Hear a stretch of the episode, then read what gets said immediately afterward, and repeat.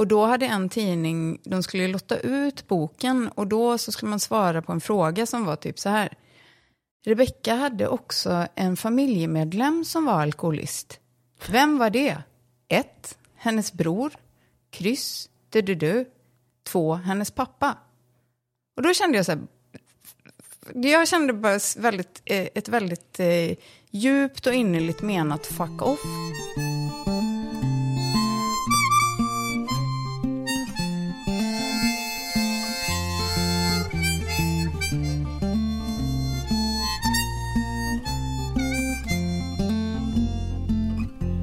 Döden gick på gatan och livet sprang tätt intill. De följdes in vid rälsen då lärkan sjöng en drill. Varför följer du i mina fotspår och sjunger min melodi? Sa döden med tunga fotsteg som han gör han drar förbi.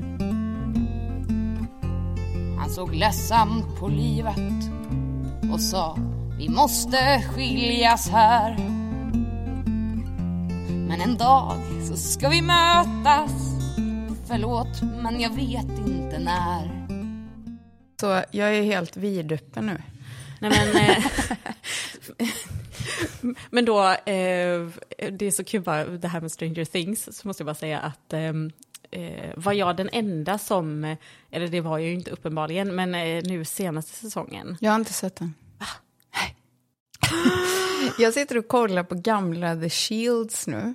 Aha, och så kollar jag jag, jag har liksom en sommar där jag kollar på eh, Gudfadern-filmerna och alla Brian De Palma-filmer. Liksom, jag såg, eh, jag ska se Carlitos Way i natt. Och sen så såg jag, ehm, Det är ju min favorit. ah, den är underbar, men jag har inte sett den på jättemånga år. Men sen så såg jag eh, ehm, Scarface häromdagen. Och så såg jag Taxi Driver direkt efter. Och sen sa jag till Johannes, Al Pacino. Al Pacino och Robert De Niro. Jag vill inte se några filmer där de inte är med. Nej. Är det mina hundar eller? Det låter så jävla långt bort. Ah, ja, Ja, det, på. det är nog... eh, Ja, men nu går rådjuren här utanför Jaha. säkert. Nej, men- ja, men då kan jag ju kanske inte säga. Men är det, har det bara inte blivit av att du har sett den senaste säsongen, eller är du inte sugen? Eh, alltså det är något konstigt med Stranger Things för mig, för när jag kollar på det så tycker jag att det är skitbra. Men det är ingen som jag liksom längtar efter, inte som typ Succession var, att jag bara, åh gud vad jag längtar tills nästa säsong. Alltså så här, ha koll på datum när nästa säsong kommer. Nej, men jag är faktiskt med dig lite att... eh, För jag kan tycka, nu, jag är ju född 91, så att det känns ju som att många som var, växte upp under 80-talet har, alltså att det blir en sån här nostalgiporr det är liksom. jättemycket det. Men ibland kan jag eh, tycka just med eh, serier eller filmer som går liksom den där vägen så kan jag sitta och leta efter så här, okej men typ även så 85 eller sådär så hade man ju saker som var från typ 70-talet. Alltså det är ju saker som, som hängde kvar så ibland kan man känna så här, vad, alltså, är det här bara den sjukt så romantiserade bilden av 80-talet eller såg det ut så här på 80-talet? Ja, och i E.T. när det sitter typ 12-åringar och röker cigg och spelar poker om pengar. Man bara, var det verkligen så på 80-talet? Eller liksom, jag missar ju det, jag är född 76. Men du, på tal om tv-serier så måste jag bara fråga, har du sett eh, The OA? Nej. Men det ska jag tydligen, eller? Alltså, jag, ehm, jag var sjukskriven, det här var vintern 2016. Mm. Och eh, då hade jag ju, alltså jag satt väl framför tvn hela dagarna tror jag. Det var helt underbart. Men då så hade Netflix eh, lagt ut den här serien. Och de hade typ, de hade inte gjort någon reklam för den överhuvudtaget. Eller liksom, det hade inte, när den dagen den släpptes, det var typ då man såg någonting. Det, typ, alltså det enda som jag tror stod liksom he, om hela plotten var att Eh, det är typ en, eh, en eh, eh, ung tjej som försvinner och då är hon blind när hon försvinner. Och sen kommer hon hem efter sju år och kan se. Det är liksom plotten. Okej, det låter jättetråkigt. Nej, nej men den är... Den är helt otrolig och den går liksom inte ens att beskriva. Det handlar om folk, alltså man kan säga att det är, det handlar om olika dimensioner och folk som haft nära döden, alltså upplevelser och ehm, eh, det var en sån, alltså jag har aldrig, aldrig haft en sån eh, djup spirituell upplevelse när jag kollat på en tv-serie. Och det, de gjorde två säsonger. Och sen så gick Netflix ut med att de inte skulle göra en ny och då demonstrerade folk liksom. och Var- ändå så togs det- den inte upp igen. Fast jag säger ju ingenting om serien, Nej. jag säger bara hur tragiska vi är som Nej. människor. Men vet du vad, hade jag bott i USA hade jag också varit med och demonstrerat. Det var ingen som demonstrerade hemma. Och nu kommer en ny serie som de har gjort nu i augusti. Eh, som ska vara ett eh, mordmysterium typ.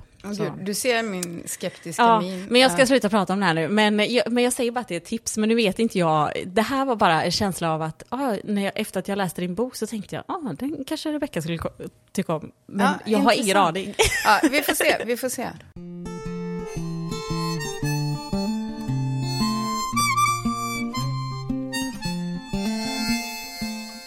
Kan inte du bara säga vart vi sitter någonstans? För att det är kanske den finaste utsikten jag har haft på väldigt länge. Oj, ja, vi sitter i mitt... Eh, det är liksom ett vardagsrum som sitter ihop med ett kök och där mitt skrivbord står.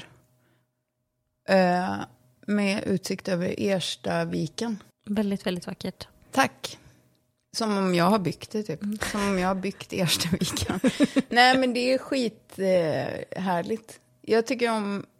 Mest av allt tycker jag om att se mycket himmel. Det har jag nästan inte gjort någon gång där jag har bott. Och det är väldigt eh, vilsamt och eh, nästan meditativt. Det gör mig väldigt lugn. Det är så roligt för jag hade ju, jag skickade ju, eller jag mejlade dig typ en, en lista kan man säga eh, förra veckan där det var bara egentligen så här lösa tankar som jag har haft när jag har läst dina böcker och sådär. Och nu på tåget hit, då var det så mycket annat som dök upp i mitt huvud så jag tänkte så här, ja, alltså det här är jag nyfiken på istället eller det här vill jag prata om. Eh, För några veckor sedan så fick jag, hade jag eh, ja, inte en uppenbarelse, men en, en väldigt eh, stark känsla av att jag plötsligt märkte, alltså att jag märkte att jag hade börjat att åldras. Och det är liksom inte på ett... ehm, det var mer bara att jag la märke till det. Och att jag kände, oj, det var liksom första stora upplevelsen, förutom typ när man har fått ett barn till exempel, för då är man ju väldigt eh, medveten om hur ens kropp har förändrats och sådär. Men, men att jag eh, såg att mina händer hade åldrats. Ja, det har jag också, det, men det har jag tänkt på bara på senare år. Att jag ser att mina händer liksom är så här skrynkliga typ. Eller inte skrynkliga, men du vet att jag ser på min, mina händer att de är äldre. Ja. Och att det var en sån eh, jättekonstig känsla för att typ när man är, jag är ju 32 nu och det är ju inte att jag säger att jag är gammal för jag tänker att folk kan bli provocerade så här, du är ju inte gammal, det är ju inte det. Utan det här att det är ju inte, man har ju typ knappt några sådana tecken fram tills man är kanske typ runt 30. Det är som att det var en sån tydlig känsla av att tiden går, som jag inte har Ja. upplevt innan. Eh, för att jag har alltid liksom sett mina händer och sen helt plötsligt så såg de annorlunda ut. Och att det var en sån... ehm, att jag fick nästan som en liksom, eh, oroskänsla i kroppen. Även om jag egentligen, en del av mig tycker inte... En del av mig tycker att det är väldigt skönt att åldras och att bli äldre. För att man får så... Alltså bara det här att man eh, känner att man håller på liksom och landa lite mer kanske i liksom Det var som utlovas i alla fall. Ja, precis. Men jag, men jag tycker att man, ehm, man blir påmind om, som när jag såg mina händer och såg att okej, tiden går, man blir äldre, att så här, man har inte tid att bry sig lika mycket om sånt som man eh, kanske liksom var helt uppe i när man var 25 eller något sånt där. Men hur tänker du då? Du har inte tid därför att du ska dö snartare än vad du skulle när du var 25? eller? Nej, men bara känslan av att tiden går. Jag tror inte att jag kände det fram tills att jag var kanske, ja, jag vet inte. Det är intressant, för jag, jag, vi känner ju inte varandra, men jag tror ju att jag känner dig därför att jag har lyssnat på din podd och läst din bok. Och jag, du verkar så klok. Jag var ju inte klok när jag var 32. Liksom. För det du säger nu är sånt som jag har börjat känna typ senaste året bara. Att jag säger, ja ah, just det, jag åldras fan, du vet. Facet börjar hänga. Men jag har väldigt bra gener från min mammas sida. Hon har alltid sett väldigt ung ut. Men jag, jag börjar se nu, liksom Jesus Christ, du vet. Så här, vem är det där? Alltså, nej, nu gör, det är inte sant, inte vem är det där, men, men jag kan liksom förstå att jag börjar se äldre ut och att folk ser mig som typ äldre. Alltså jag är så här 46. Och det är, jag tycker det är så gött bara. Jag känner inte att tiden går för fort eller någonting sånt. Men den går. Så känner jag. Um, för att på listan du skickade till mig om vad vi skulle prata om så pratade, då skrev du en del om skam och sånt. Och jag inser att jag, det är en sån, alltså jag är fri lejd nu. Äh, jag, jag behöver inte skämmas för någonting. Alltså min, mina barn är ju tonåringar nu så de skäms ju för allt jag gör och säger och är liksom. Men Eh, där väljer jag själv då vad jag liksom kan tona ner för deras skull och vad jag bara liksom fortsätter vara. Ingen bryr sig, jag har helt fri lejd. Du vet, jag vet inte om det... Folk pratar om så här, att förlora den manliga blicken och liksom den typen av saker. Men jag känner bara att eh, jag kanske har slutat skämmas. Men är inte det...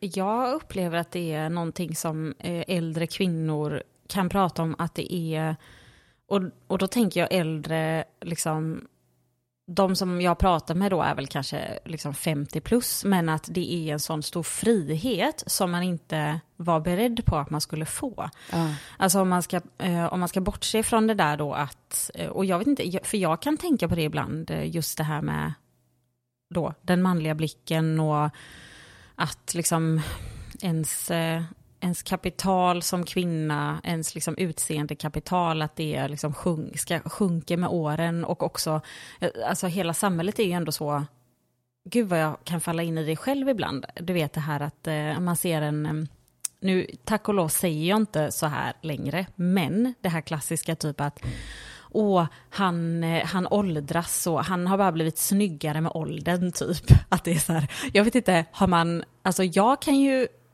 ja, jag vet inte, det känns som att det är så himla sällan man hör folk säga det om, ehm, om kvinnor när de åldras. Och att, men, men... men jag ska säga en sak som, alltså det här sa en kompis till mig som är, vad är hon då? Kanske 57. Hon har gått igenom klimakteriet och det.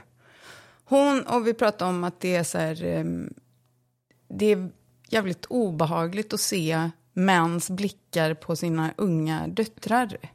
För det börjar så jävla tidigt. Och jag minns den där grejen. Jag var helt chockad när jag liksom var kanske 15. Och du vet, ehm, jag började se gubbar, typ. de var liksom lika gamla som mina kompisars farsor typ, och äldre. Att de kollade på den på ett nytt sätt. Jag var, det var så chockerande för mig.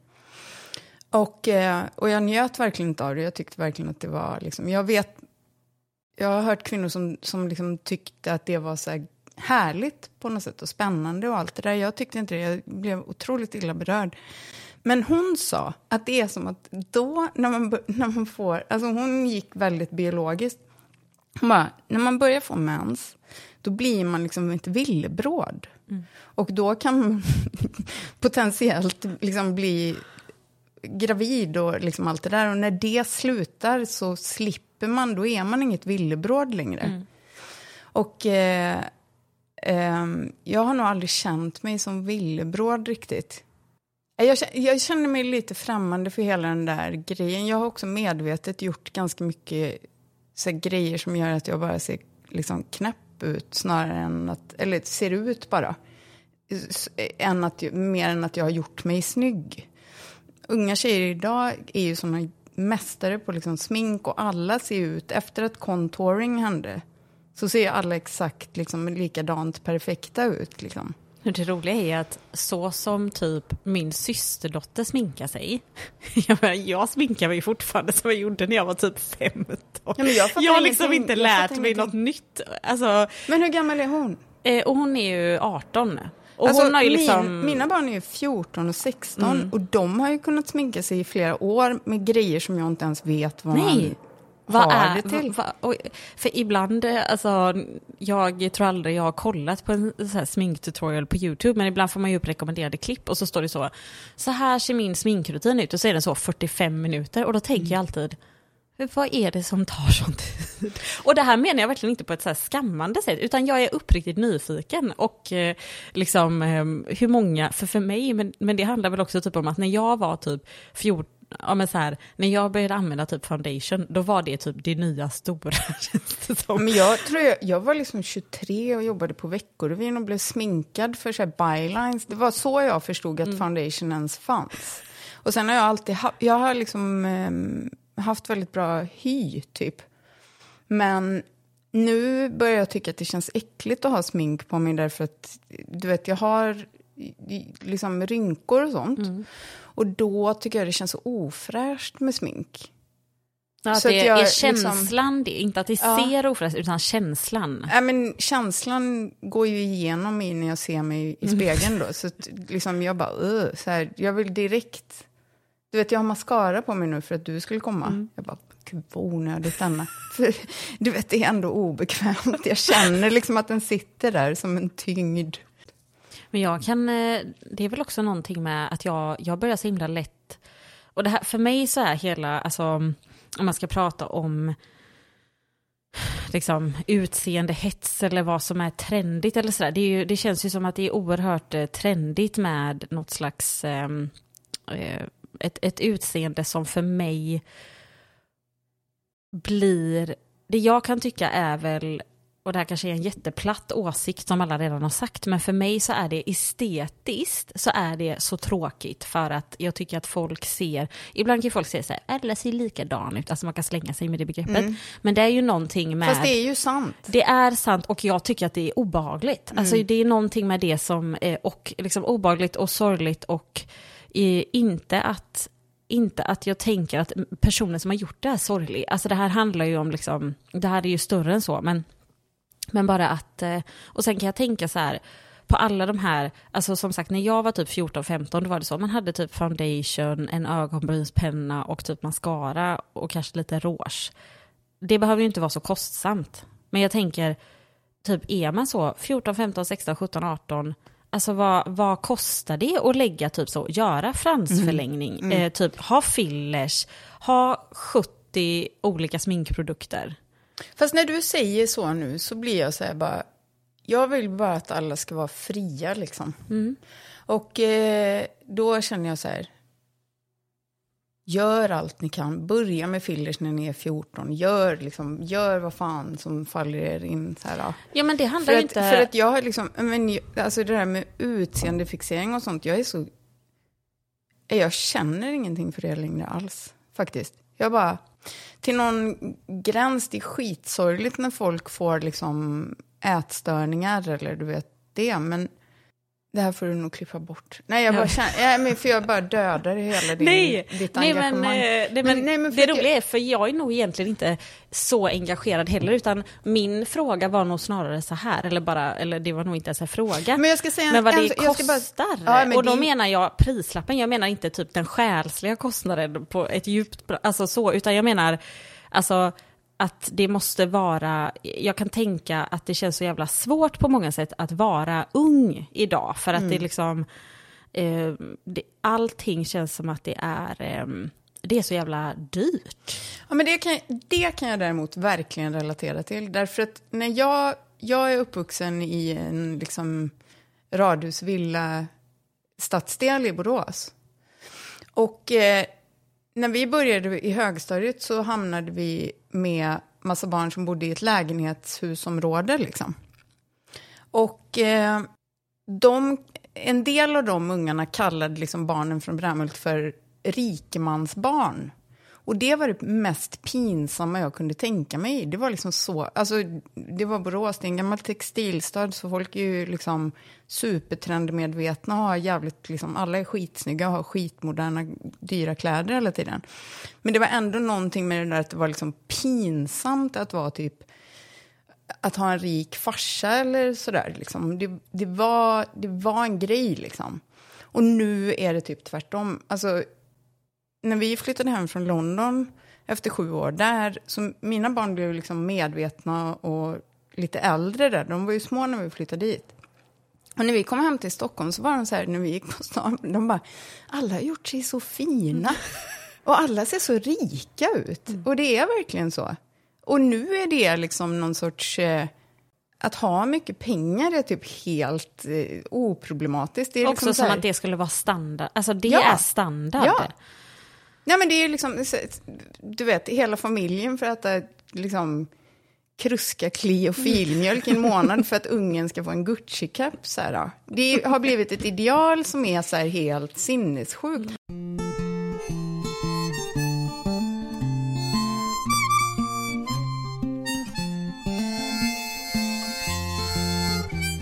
Men jag tänkte på det, som, eftersom du nämnde skam förut. För det, alltså det är jag väldigt nyfiken på, för det är en sån himla tydlig upplevelse för mig när jag läste ehm, eh, din bok ehm, Jag som var så rolig att dricka vin med.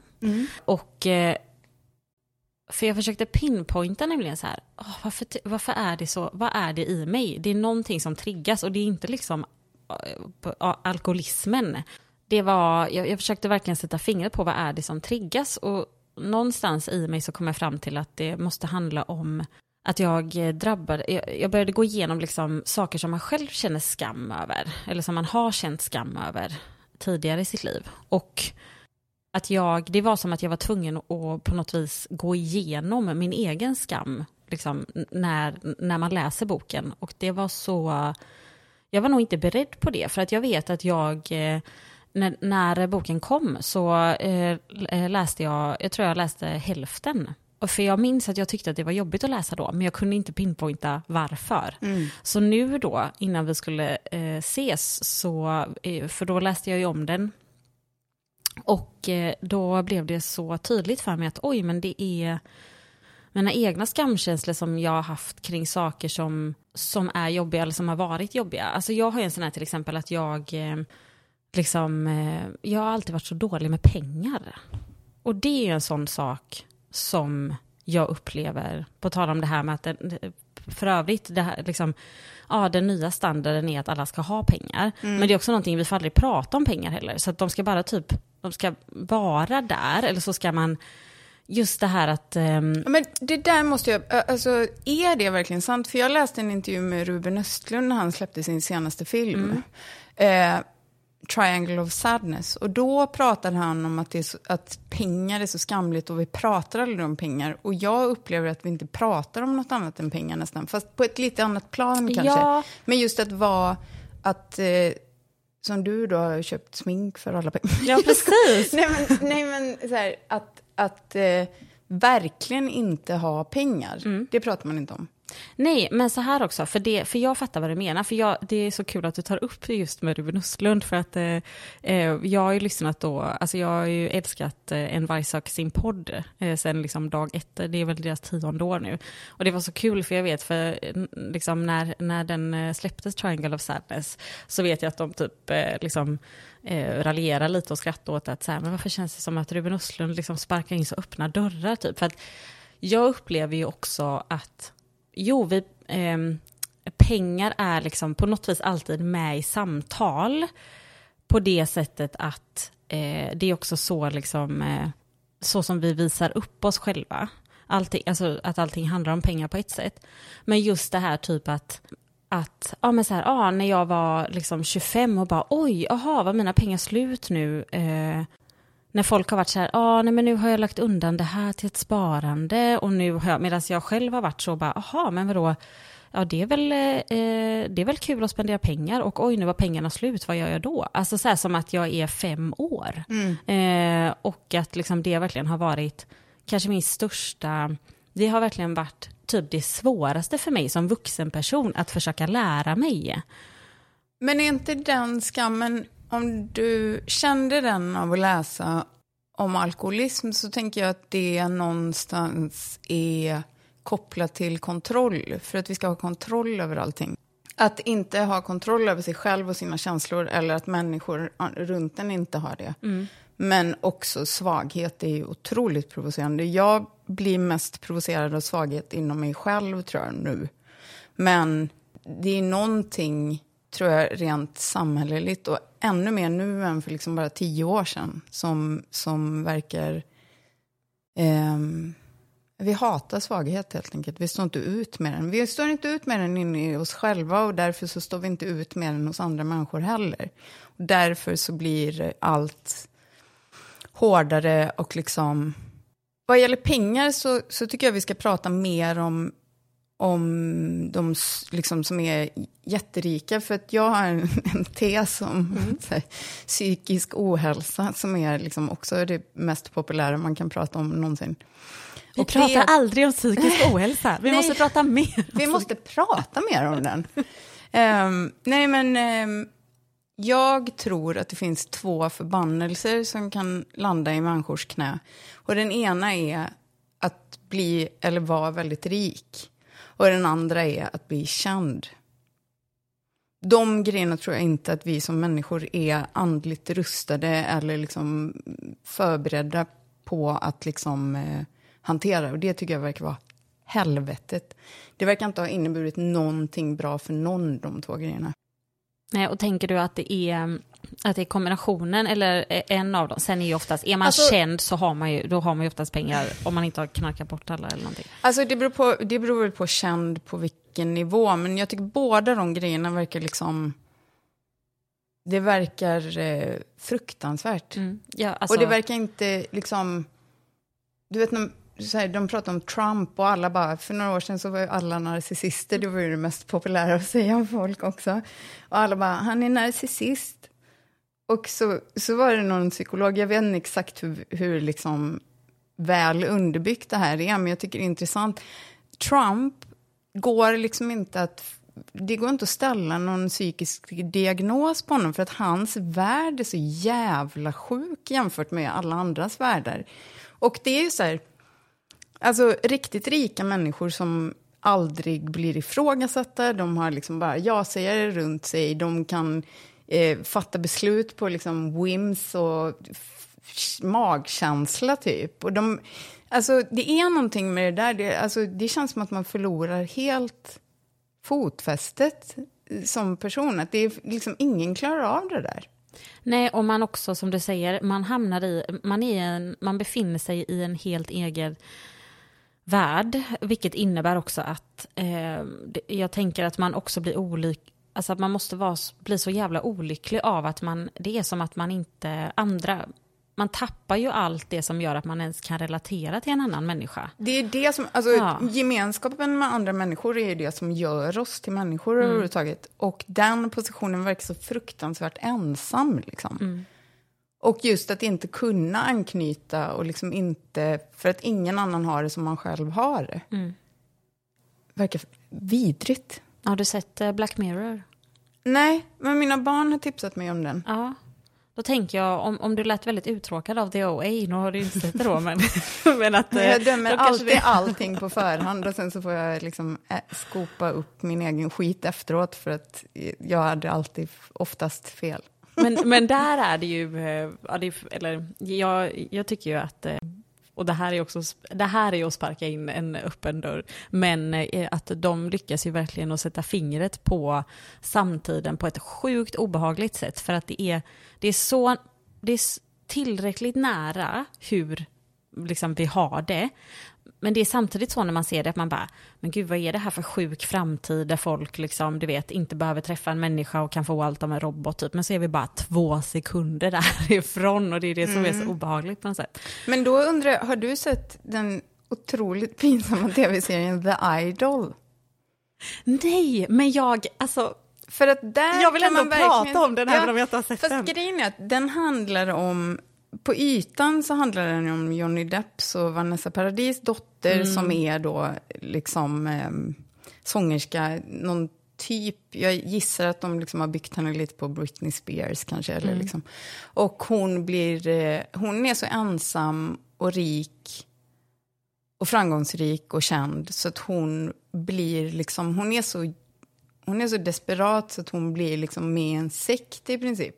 Sen så handlar egentligen tv-serien om att sångaren The Weeknd vill framstå som sexig och farlig och liksom eh, på något sätt eh, kan man, göra, cool, cool, mörkare än vad han är. Typ, så här, kan man göra det när man är så 1,5? ja, men det, är det kanske är därför. Är han 1,50? nej, jag, nej, jag vet. Jag Nej, men eh, det skulle kunna förklara en del av varför den... För han har ju varit med och skapat den serien Mm. och liksom tydligen under otroligt eh, tumultartade förhållanden tagit mer och mer makt över manus och sånt där.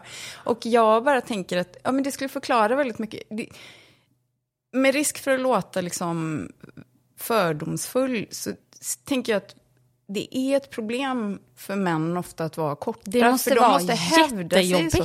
Ja, men vi har så här, Ulf Kristersson, skulle, vad, hur skulle världen se ut om han var lite längre typ? Mm.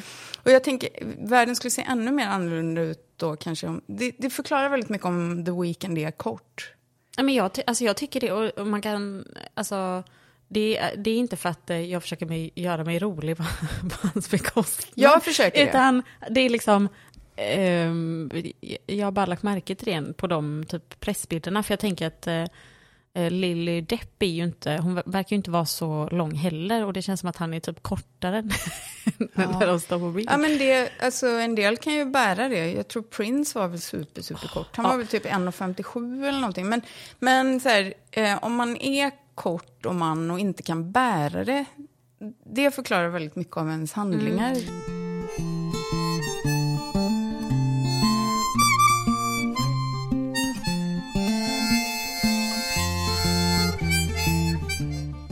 känner jag mig som värvet här som återgår till min lista. Nej, men, men för det här, jag är så uppriktigt intresserad av det här. Jag ställer frågan istället, jag ställer en öppen fråga. Är du trött på, har du prat, pratat så mycket om alkoholism sedan den boken släpptes? Ju mer jag förstår alkoholism och liksom beroende, desto mer komplicerat blir det. Och människor jag möter som vill prata om den här boken eller liksom om alkoholism har ofta en väldigt, såklart, för de har inte liksom som jag, jag har varit nykter i snart sju år och hållit på med den här liksom, grejen väldigt, väldigt mycket. Och, och liksom, jag har en väldigt, väldigt eh, nyans, nyanserad bild av vad besatthet och beroende, beroende är. Eh, och det tycker jag fortfarande är superspännande att diskutera och prata om. Men det, ibland känns det nästan som att jag vill liksom bara folk gå igenom liksom tolvstegsprogrammet eller du vet, gå i terapi ett tag så kan vi prata om det här sen. Läs de här böckerna typ som jag har läst för jag orkar inte. All... Jätteofta så handlar det om att människor vill att jag ska säga. Jag som typ så här auktoriserad nykter alkoholist, nykter alkoholist ska säga till dem nej, det är ingen fara för dig. Men det vet ju inte jag. Och grejen är att de som frågar det, tänker jag ibland att så här, men om du frågar det så är det ju ett problem för dig. För att eh, eh jag känner jättemånga som typ är alkoholister, men alltså jag hade ju aldrig något så här fysiskt, jag behövde ju aldrig läggas in på avgiftning och så. Och så finns det ju jättemånga som lever sitt liv i alkoholism utan att liksom, man är ju inte alkoholist för man själv uttalar att man är det. Och då måste man ju göra en förändring, men om man bara kör på och aldrig liksom säger till sig själv att man är det, så behöver man ju aldrig ta itu med det. Men att ta itu med alkoholism är liksom inte att ta itu med att sluta dricka, utan det kommer så, för mig har det kommit så otroligt mycket grejer på köpet med det. Vilket otroligt långdraget, eh, invecklat svar, men eh, Nej, men jag är ointresserad av att prata om alkoholism med folk som egentligen bara vill att jag ska säga att de kan dricka som... Att, det, att vi är liksom som artskilda eh, varelser. Och att jag har en sjukdom som de inte har och att allt är lugnt därför. Eh, det är jag trött på att prata om. Och sen så är jag trött på faktiskt den här grejen. Och jag hoppas att ingen som hör det här blir liksom, känner sig utpekad eller ledsen. Men det provocerar mig faktiskt när folk, eller provocerar, jag blir ledsen för deras skull när folk, när jag får liksom meddelanden som är skrivna typ halv tio en lördagkväll från någon som vill att jag ska ta med dem på deras första möte eller sådär. Och jag märker, jag är otrolig, jag, alltså mitt beroende börjar ju som medberoende med min pappa när jag var liten. Och eh, jag är otroligt eh, känslig för liksom, skiftningen i människor. Och nästan alla blir på ett visst sätt, alltså även oavsett om du har problem eller inte så finns det någonting med just alkohol. Eh, även om du bara har druckit ett glas så tar det bort ett, liksom, en nyans i dig som människa så du blir lite så här skön liksom. Och eh, det är väl det många är ute efter kanske. Men jag orkar inte ha kontakt med den, jag vill inte liksom, jag orkar inte det, ha kontakt med den sidan av människor jag inte känner. Liksom. Men jag kan tycka att det är respektlöst att skriva till mig när det är solklart att man har druckit. För jag, mm. det, det, um, det gör mig, inte så, inte så mycket kanske, jag sa provocerad, men det gör mig illa till mods. Liksom. Mm. Ja, men... men resten tycker jag är super, för jag ser ju, jag tycker att jag ser som jag ser det så är alkoholism eller beroende bara ett eh, symptom på någonting annat. Som är liksom en längtan eller, eller liksom en bristsjukdom i princip hos människor. Och den är det så väldigt många fler som lider av än de som liksom identifierar sig som missbrukare eller alkoholister eller mm. knarkare eller whatever. Utan eh, det... Jag tänkte faktiskt på en grej när jag läste din bok. Som var just om det där med besattheten. Jag hoppas att du inte tycker att jag klampar in på någonting nu. Men jag... Jag tog en gång ett graviditetstest som var så ett svagt streck, typ. Positivt. Och sen så fick jag mens. Och sen så var jag inne en vända på typ så här, något forum på internet. Där det var en massa kvinnor som ville bli gravida. Och då hade en skrivit så här, hej, jag har inte testat positivt, men jag känner mig gravid. Och nu blöder jag. Och då var det så i alla fall tre pers som skrev till henne så här, det är nidblödning. Det är jätteovanligt, men det betyder bara att ägget har fastnat nu. Typ så här, grattis! Då får du också en novemberbebis. Och jag blev så jävla illa berörd. Det var liksom så det var liksom som att ligga i rännsten och vara smällfull och hävda att man absolut inte har problem med alkohol. Nej, men det var, nej, det var en jättedålig liknelse. Men alltså, det var någonting i det där att vägra se Nej, men du har, du har börjat blöda, du, du är inte gravid. Liksom. Men jag förstår vad du och, menar. Och den där, hela den där, alltså, nu, vi, jag blev ju gravid snabbt då. Um, vilket är en sån där grej som du måste ha älskat att höra när du försökte väldigt länge. Folk som bara, jag är, jag är superfertil. Ja, för det är sjukt hur folk säger ja, sådana ja, saker. Jag kan, tänka mig det. jag kan verkligen tänka mig det. Nej, men ähm, att det hade lätt kunnat bli en besatthet. Alltså bara så här, gå och köpa clear blue-test på clear blue-test, ägglossningstest, allt det där som finns. Liksom hålla på. Alltså, det är ju också en form av besatthet, tänker jag. Alltså jag tycker att det är så intressant och jag tycker verkligen inte att du klampar in. Alltså, eh, jag tror att det är överlag ganska få eh, frågor som jag skulle... Jag tänker att vi sitter ju ändå här i det här sammanhanget så jag tar inte illa upp av någon, av någon fråga. Eh, men ehm, jag, eh, eller först så måste jag också säga det att eh, jag tyckte att det ändå, alltså jag förstod den jämförelsen för det handlar ju på något vis om att, att vara eh, på en plats där man själv inte klarar av att se verkligheten för att man är så eh, fast i någon, en vilja eller en besatthet eller bara ja, en, en önskan, en önskan och en längtan. Ja. Eh, så finns det ju, det är en väldigt hårfin gräns mellan att eh, som omgivning vara eh, stöttande, uppmuntrande, hoppfull, alltså, och nu pratar jag inom, eh, nu, liksom, nu blir det att jag pratar om området kanske då att försöka bli gravid. Liksom. Eh, det är en ganska hårfin gräns också mellan, tills att det slår över till att man överhuvudtaget inte, om man ser det utifrån, att inte bli sedd överhuvudtaget. Så, för jag tänker att det är också Eh, för alltså alla de där forumen, eller alla, det är väl bara familjeliv egentligen. Men, men liksom, Jag tror att det var där jag var. Ja, det är alltid där man hamnar. Och, och jag kan känna en sån eh, kärlek och samtidigt en sån förtvivlan över... För jag vet ju att så fort... För, alltså det här har ju också med, med liksom det här, vad vill vi inte att någon annan ska veta eller någon annan se?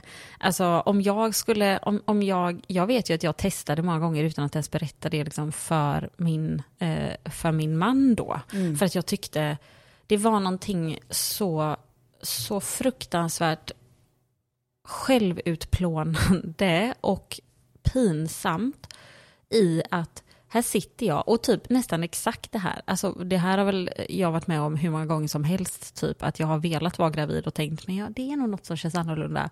Men jag har precis fått min mens och det, det, det finns inte en tillstymmelse till att det här skulle vara ett positivt test. Och ändå så, jag tar två till. Liksom, jag håller mig en timma till och sen kissar jag. Alltså, Mm. eh, och jag eh, tänker på alla som sitter inne på de här forum, alltså på typ familjeliv, som liksom greppar efter sådana där halmstrån. Eh, och det gör mig så illa och, samt, och jag vill bara ge dem en eh, kram. Nej men jag... Eh, Fast det gör ju du på sätt och vis genom den här boken, tänker jag. Mm. Ja, för, eh, jag, när jag hade en dålig dag, det här var, man ska ju inte läsa någonting som någon annan tycker eller tänker om något man har gjort när man har en dålig dag. Egentligen kanske man inte ens ska göra det när man har en bra dag, man kanske bara ska skita i och, och läsa det överhuvudtaget ibland. Men, men då var det ju på den Goodreads. Men då var det någon som hade skrivit någon recension av min bok på den sidan som var typ så här Ja, och det började typ som att det var liksom en komplimang. Det kändes som att det fanns något underliggande passivt aggressivt. Som var typ att, ja, liksom att jag skildrade den här liksom känslan av när andra blev gravida. Eh, liksom på ett eh, liksom ärligt sätt och så. Och så stod den så här, på gränsen till eh, liksom missunnsamt. Så, här, så tänker jag bara, Ja, eller det är väl det som var hela poängen. På gränsen eller till. Typ så här, det är klart att du var missunnsam. det var liksom undertonen var att så här, ja, att så som jag upplevde det, att typ hon hade blivit stött av att jag då hade känt det. Och då tänkte jag, men det är ju liksom, ja, det är ju det som, det är ju hela grejen med boken. Mm. Att jag, alltså hur många, eller jag bara, jag var så, eh, jag blev så förvånad bara över att ja, och ja, alltså, och det var ingen skön känsla. Det var inte att jag njöt av att jag grät hemma när en vän berättade att hon var gravid. Men då vill hon, recensenten då på Goodreads vill då att du ska vara en människa med kontroll och inga svagheter. Så du får liksom inte vara missunnsam för att du ska liksom ta allting med någon sorts stoiskt lugn och liksom vara en god förebild, mitt absoluta hatepitet. Nej, men det, det är liksom som att... säga, Eh, Det är så intressant att bara tänka, det hade aldrig blivit någon bok då. Eller liksom, det är ju det som på något vis, eller det kanske hade blivit en bok men vad hade stått i den? För det enda som det handlar om är väl egentligen, Jag tänker så här, du får säkert höra det här också. Jag får ju höra det om mina, mina böcker. Vad modig du är. Men grejen är att det är inte att skriva om det som är modigt. Det finns, eh, Annie Arnault säger typ, jag var med om det här för att jag skulle kunna skildra det. Eller det här hände mig för att jag skulle skildra det. Det tror jag extremt mycket på med, med människor som skriver. Därför att det som är modigt är att gå igenom det du gjorde. Att ta alla de där jävla liksom, clear blue-testen och liksom kämpa vidare och slås ner i skoskaften. Eh, misslyckas inom, jag gör så här citationstecken i luften nu, eh, gång på gång på gång och fortsätta och undersöka vad som händer i, inuti dig. Men också i liksom dina sammanhang med vänner och, och liksom familj och sådär. Det är det som är modigt. Sen så att skriva ner det, det är liksom det modiga. Det jag vill tacka dig för till exempel med den här boken, det är att du har orkat gå igenom allt det där. Och sen tackar jag för att du har skrivit ner det också, men jag upplever inte Eh, jag upplever inte att det känns modigt att skriva. Jag bara berättar om så här, en, min lilla skärva av eh, hur det är att vara människa. Liksom. Och det är så, det är så dumt och faktiskt rent dumt och typ så här, någon sorts sjuk vinstmaximeringstanke, typ så här, nyliberalism, framgångs... Liksom att allting hela tiden måste gå framåt och uppåt. Eh, en sån ideologi som ligger bakom att det på något sätt ska vara, att litteratur ska vara uppbyggligt eller att det ska vara liksom, I don't know. Eh, Ja, men, först vill jag säga tack för det var väldigt fint. Varsågod. Eh, men eh, just det här har jag ju haft, eh, tyckt har varit så svårt när jag ska när jag ska prata om boken. För att det finns hela det här liksom narrativet av också, ja, man, det man, när man berättar någonting, då man får lov att göra det när man har gått, tas, tagit sig igenom, typ att det finns, och det skulle ju då tyda på att det finns ett slut på saker. Här var början och här var slutet. Och nu är jag här, liksom. Jag har kommit förbi slutet. Och visst kan jag ju se och säga att ehm, jag är ju inte längre, eh, mitt liv ser inte ut längre så som det gjorde i boken. Och på många sätt är jag ju otroligt tacksam över det. Eh, och jag mår väldigt bra nu, det gjorde jag inte under de åren som jag skildrade i boken. Men det är också, det är väldigt svårt som hel människa att prata utifrån eh, frågor som handlar om den här liksom, eh, att det blir som någon slags sensations, eh, liksom den här, eh, åh, du, du som gick igenom det här, men nu, nu är allt bra. Som om det inte liksom är saker också, alltså jag tänker att det är så mycket, alltså jag har ju liksom fått med mig, eller, och jag tänker jättemycket på det som du sa med det här att, eh, att som skrivande person eller folk som, som skriver eller, eller berättar genom, på andra sätt att jag kan ju också tänka det att jag kan känna mig på ett sätt så kan jag tänka hur tacksam jag är över att jag, allt det där hände och jag har skrivit ner det och jag har kunnat eh, formulera saker och inte för att det har varit liksom så som alla andra alltid vill fråga om det har varit terapi och renande och alla sådana Var det, saker. utan- terapeutiskt, var det terapeutiskt för dig att skriva, skriva den här boken? Nej, alltså För jag skriver ju, jag skriver ju exakt just det. För någon frågar. Så det är lite som terapi då. Mm. Ja, I min, ja precis. I min, jag skrattade högt alltså, Ja, när jag läste det, för att jag kan... Någon, I någon måste vattna tomaterna, så när jag höll på med den boken, Mm. då skrev, som spoiler, spoiler alert, den handlar just om det här att man inte blir fri, man blir inte färdig med något liksom svårt eller mörker, utan det läggs till igen. Och det finns där, och det kommer alltid finnas där, och det har format mig. Hur mycket jag... Alltså nu är jag så här... Jag tror till exempel att, att börja sitt liv som medberoende med en missbrukare är så här ypperligt för att man ska bli författare sen. Det är liksom ett perfekt utgångsläge för att man blir så jävla känslig för skiftningar och liksom, du vet, man, man, man ser detaljer och hör små nyanser i allting som, som kanske inte alla gör för att de har inte fått träning i det sen de var liksom små. Men, men sen också att, nu, nu, men någon frågar sig, så det är lite som terapi då när jag skriver den här boken.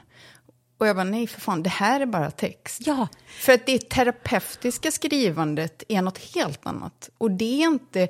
Det, det, det, det måste ju du också få, folk som hör av sig och bara, jag har en liknande historia, jag har tänkt att skriva ner den. Och jag säger, fan gör inte det förrän du har landat någon annanstans. Gör inte det förrän du har lärt, liksom lagt till dig i dig själv.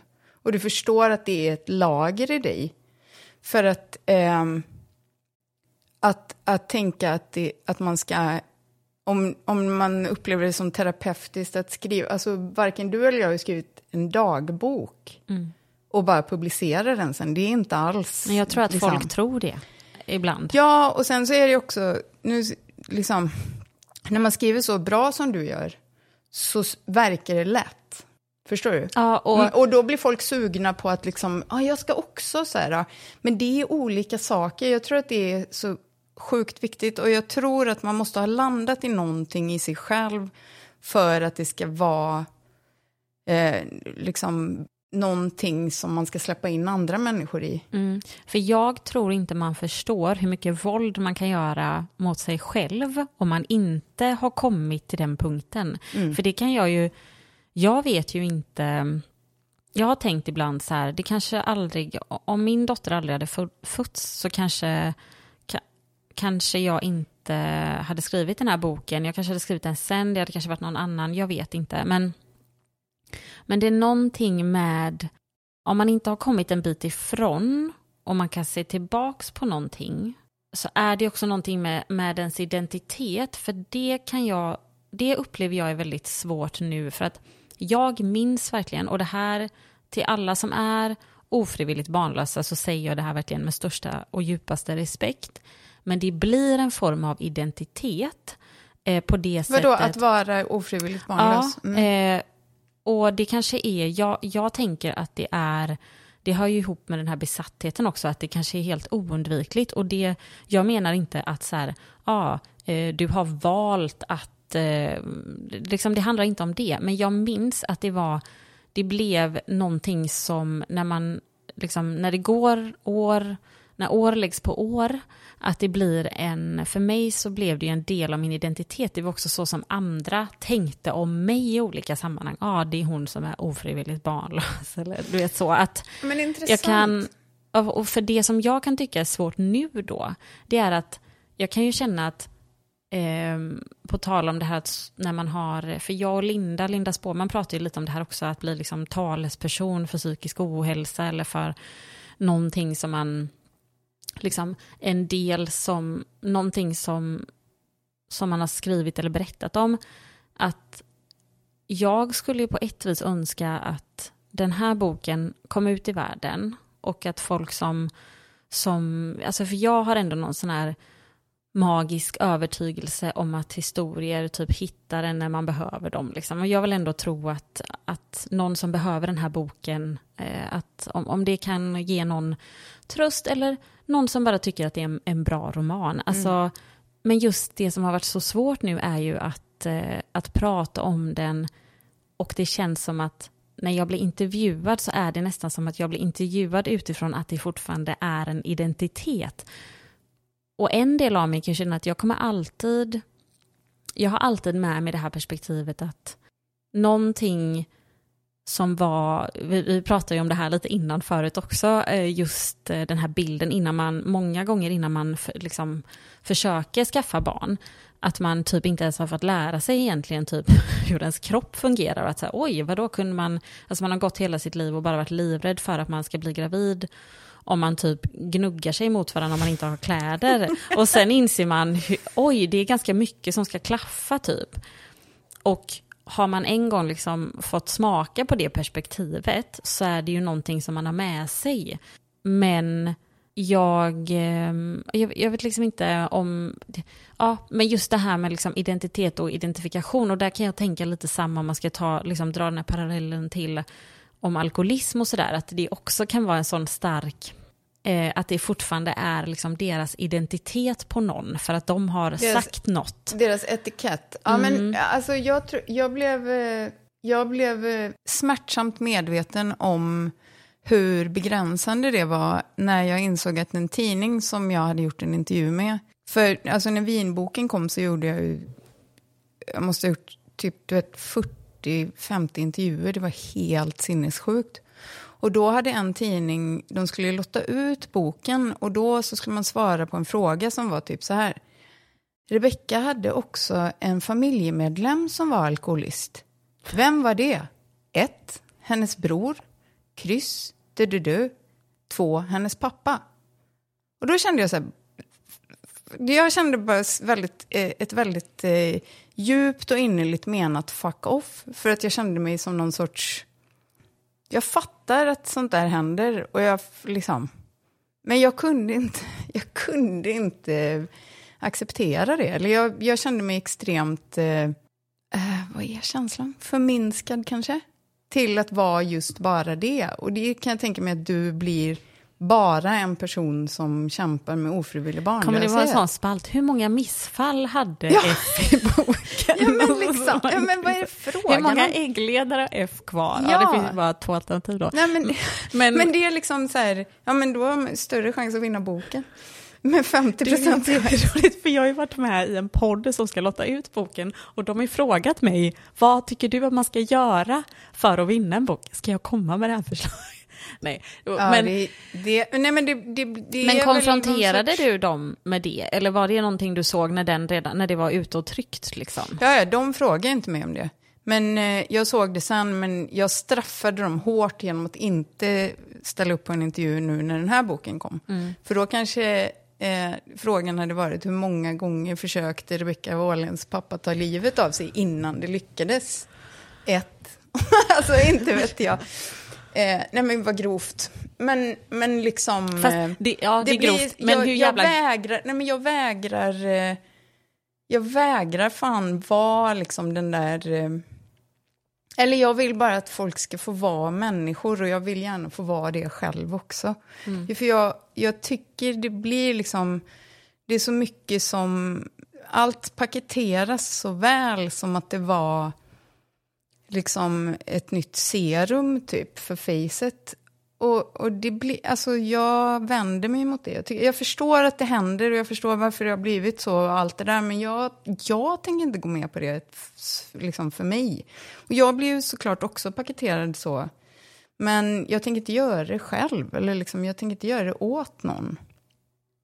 Förstår du vad jag menar? Låter ja, jag, jag snobbig? Liksom? Jag är jätterädd Nej. att låta snobbig, för det är jag inte. Jag kräver bara att få bli behandlad som en hel människa och inte en representant för en del av mig som, som handlar om ett eh, destruktivt beteende jag hade under ett par år av mitt mm. liv. Jag är liksom 46 år gammal. M när man skriver böcker så måste man jag, jag ser det nu för tiden som att jag har ett enda ansvar och det är att jag skriver så som det ska vara. Mm. Och sen så är det viktigt för en själv, tror jag, som människa att förstå att man, allt är inte för alla. Du, du behöver inte passa alla, liksom. För att jag, Eh, jag som var så rolig att dricka vin med blev ju som en självhjälpsbok för jättemånga. Jag liksom vet människor, ganska många faktiskt, som typ slutade dricka efter att de hade läst den. Och det är ju råcoolt. Det var inte min mening. Jag ville bara berätta hur det där var för mig. Jag skrev den som en så här lättad utandning efter... Jag hade varit nykter i två år när jag skrev den. Liksom.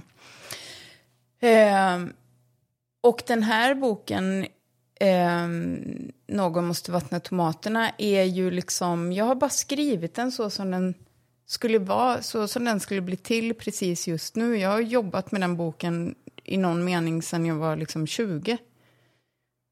Så lita på mig när jag säger att den är som den ska. Och gillar inte du den så är det lugnt. Men så här, människor, det har hört av sig en massa folk nu också, som är så här, jag har inte alls den här erfarenheten, men jag kan relatera väldigt mycket till det här. Eller, du vet, jag upplever inte att jag har skrivit egentligen om... För jag, jag tänker på att den här podden heter Livet och döden. Och jag tycker att jag mycket mer har skrivit om livet än om döden. Mm. Och mycket mindre om sorg än om liksom, glädjen över det som faktiskt finns, typ.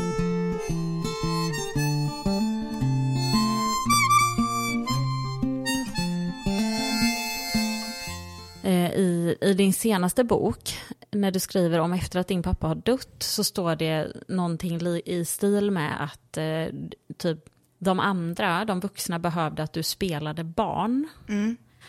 Eh, och min, eh, eh då kommer jag att tänka på min mamma, hennes syster dog i en bilolycka när hennes syster var 16 och eh, min mamma var i 20-årsåldern.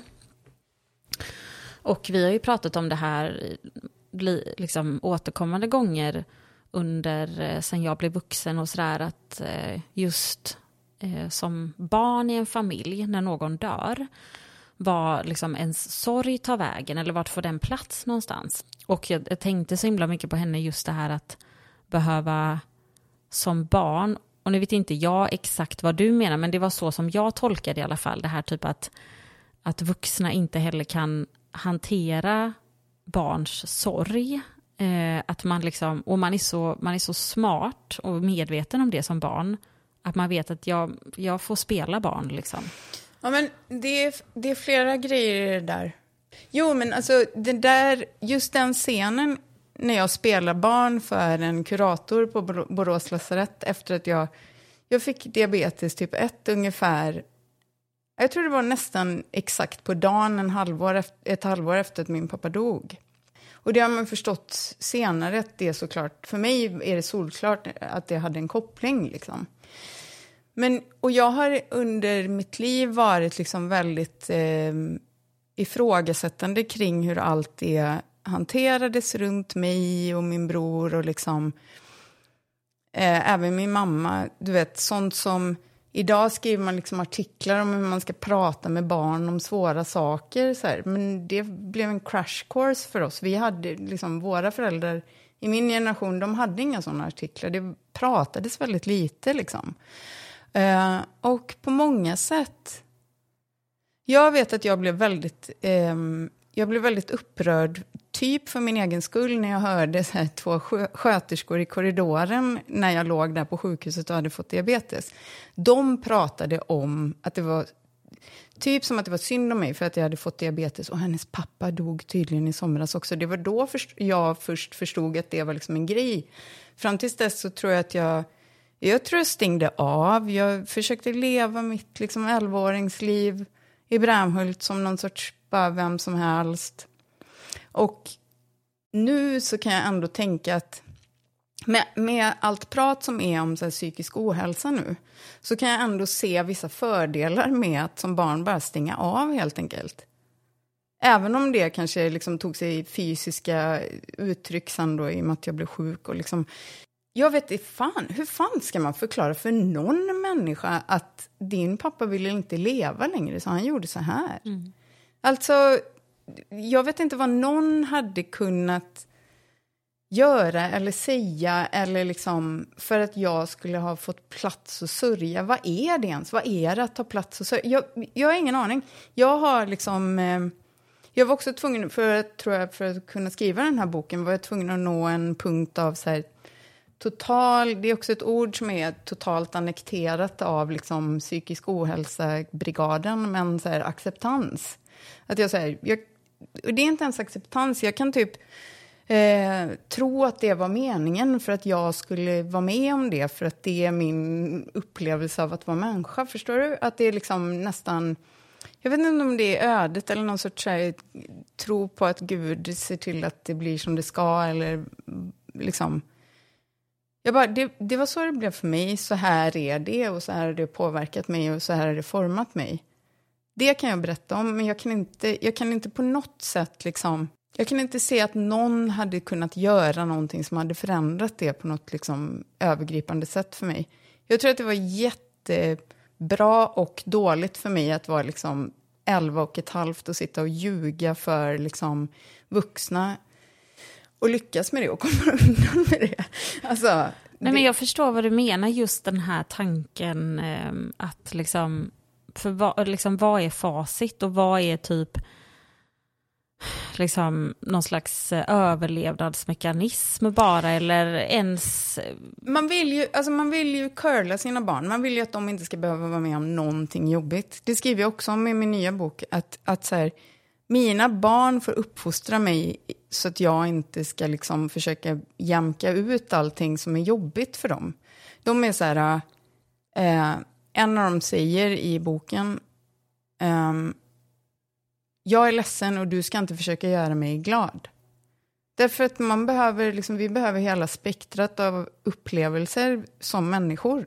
Och någonstans så är alla ensamma och det är sjukt provocerande ditt, ditt lilla barn är ju fortfarande väldigt litet. Men du vet, ju, för mig har det varit så här att för, för varje år så inser man så här, fuck, det här är liksom en person som är helt egen och gör helt egna erfarenheter. Och du vet hur man kan uppfatta situationer så diametralt olika, som två personer som är med om samma grej. Jag ser det bara på mig och min lillebror. Han var ju då eh, tre år yngre än mig. Han är fortfarande tre år yngre än mig. Han har inte kommit ikapp än. Nej, men han var så här, sju när pappa dog och de hade en helt annan relation än vad jag och min pappa hade. Och han minns ju saker på ett helt annat sätt. Liksom. Och, och saker som han kunde komma fram till redan då har det tagit mig liksom 20 år och 80 timmar terapi att ens våga snudda vid. Liksom så här. Men, men vi kan liksom inte... Vi kan, vi, tyvärr så kan vi inte skydda oss mot livet. Det är, liksom, det är jävligt jobbigt ibland. Liksom. Och att försöka undvika det tror jag tyvärr bara bygger upp så att det blir ännu jobbigare sen. typ. Eller att man missar, man missar liksom nyanserna, man missar, eh, man, man missar själva poängen som är att vi här, är här nu. Liksom. Gud, vad jag, låter, jag låter så jävla flummig, men, det, Nej, det, här men- Är, det här är vad jag tror på, jag står för det här. men och jag måste säga så här om man ska prata om att tro på saker. När man var, eller Tror när- du, tror du på Gud? Ehm, jag kan, ehm, nej, jag tror inte på Gud, men jag är väldigt, ehm, jag tror väldigt mycket på, nu, det är kul för nu försöker jag att komma på ett nytt svar som inte är, men jag tror på någonting, Ja, för det svarar alla. Men det gör jag, eller så här, jag har en väldigt stark tro och övertygelse på att vi typ inte vet någonting. Och jag har varit med om väldigt mycket saker också på ett känslomässigt plan som är väldigt svårt att det går inte att artikulera på något vis. Man kan försöka skriva det, men man kommer upptäcka att det kan låta banalt. Eh, man kommer känna sig flummig. Eh, min liksom eh, fristad eller det jag känner förutom liksom hemma med Jonathan är ju när jag är med mina systrar för där vet jag att vi- alltså jag, jag skulle kunna säga vad som helst och ingen tänker om den andra att något är för flummigt eller konstigt eller sådär men jag är liksom övertygad om, och det här hör ju också ihop med att man kan ha fler saker i huvudet samtidigt, det här att, att ja, jag tror på vetenskapen och jag tror på liksom eh, att den här eh, liksom, stolen står på golvet och, och liksom, men jag tycker att det är helt, eh, jag kan bli så fascinerad över eh, folk som inte tror, tycks tro på någonting och där kan man ju också säga, ah, är det för att det är skrämmande att tro? Är det för att, eh, e-, eller liksom, jag, är, jag kan vara fascinerad över hur man kan vara så övertygad om saker. Alltså, eh, Ja, men det, alltså jag tänker bara att här, om du tänker på liksom folk som är så här, jag är ateist, allt vi ser är det enda som finns. Så här, jag, jag tycker att det är en smula arrogant. Men framförallt är det tråkigt för dem. det är så För om man, tråkigt. liksom, om man förnekar sig själv den delen av tillvaron och livet så det verkar så stumt. Liksom. Men jag tror att det är en form av trygghet för dem. Alltså, jag tror, om man känner så och verkligen känner det då så tror jag att det är lika starkt som en stark typ tro på Allah eller liksom den kristna guden eller Shiva eller vad som helst. För att det är intressant att du säger att det är svårt att sätta ord på det. För jag tycker att det som är med tro, eller Gud, det är ingenting som jag någonsin kommer kunna sätta ord på. Det är en känsla. Om jag ska försöka sätta ord på den så är det närmaste jag kommer tillit. Mm. En tillit, liksom. Men det är inte, och det är, ingen, det är liksom inga euforiska, starka, liksom mot något håll-känslor, utan det är bara en känsla. Jag tycker att det är en, eh, eh, liksom, på, för mig så känns det som att det är liksom min grund, jag vet inte, det är som ett lugn eh, och tillit. Jag tycker ändå tillit är ett, ehm, jag förstår verkligen vad du menar med det ordet.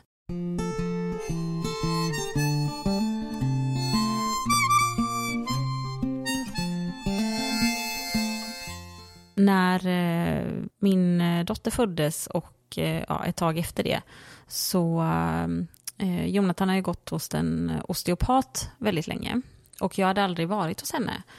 Och Jonathan sa att eh, men vi måste åka dit och vi måste åka dit med Lilo för att eh, Lilo hatade allting. Och, alltså hon har aldrig gillat att åka bil och hon har, alltså, eh, du, jag kan inte gå in på det, men jag förenklar det väldigt mycket. Men hon var liksom hon, hon tyckte inte det var så kul att vara bebis helt enkelt. Och eh, Jonathan sa... Man kan förstå det. Ja, fan, man kan ju inte göra någonting.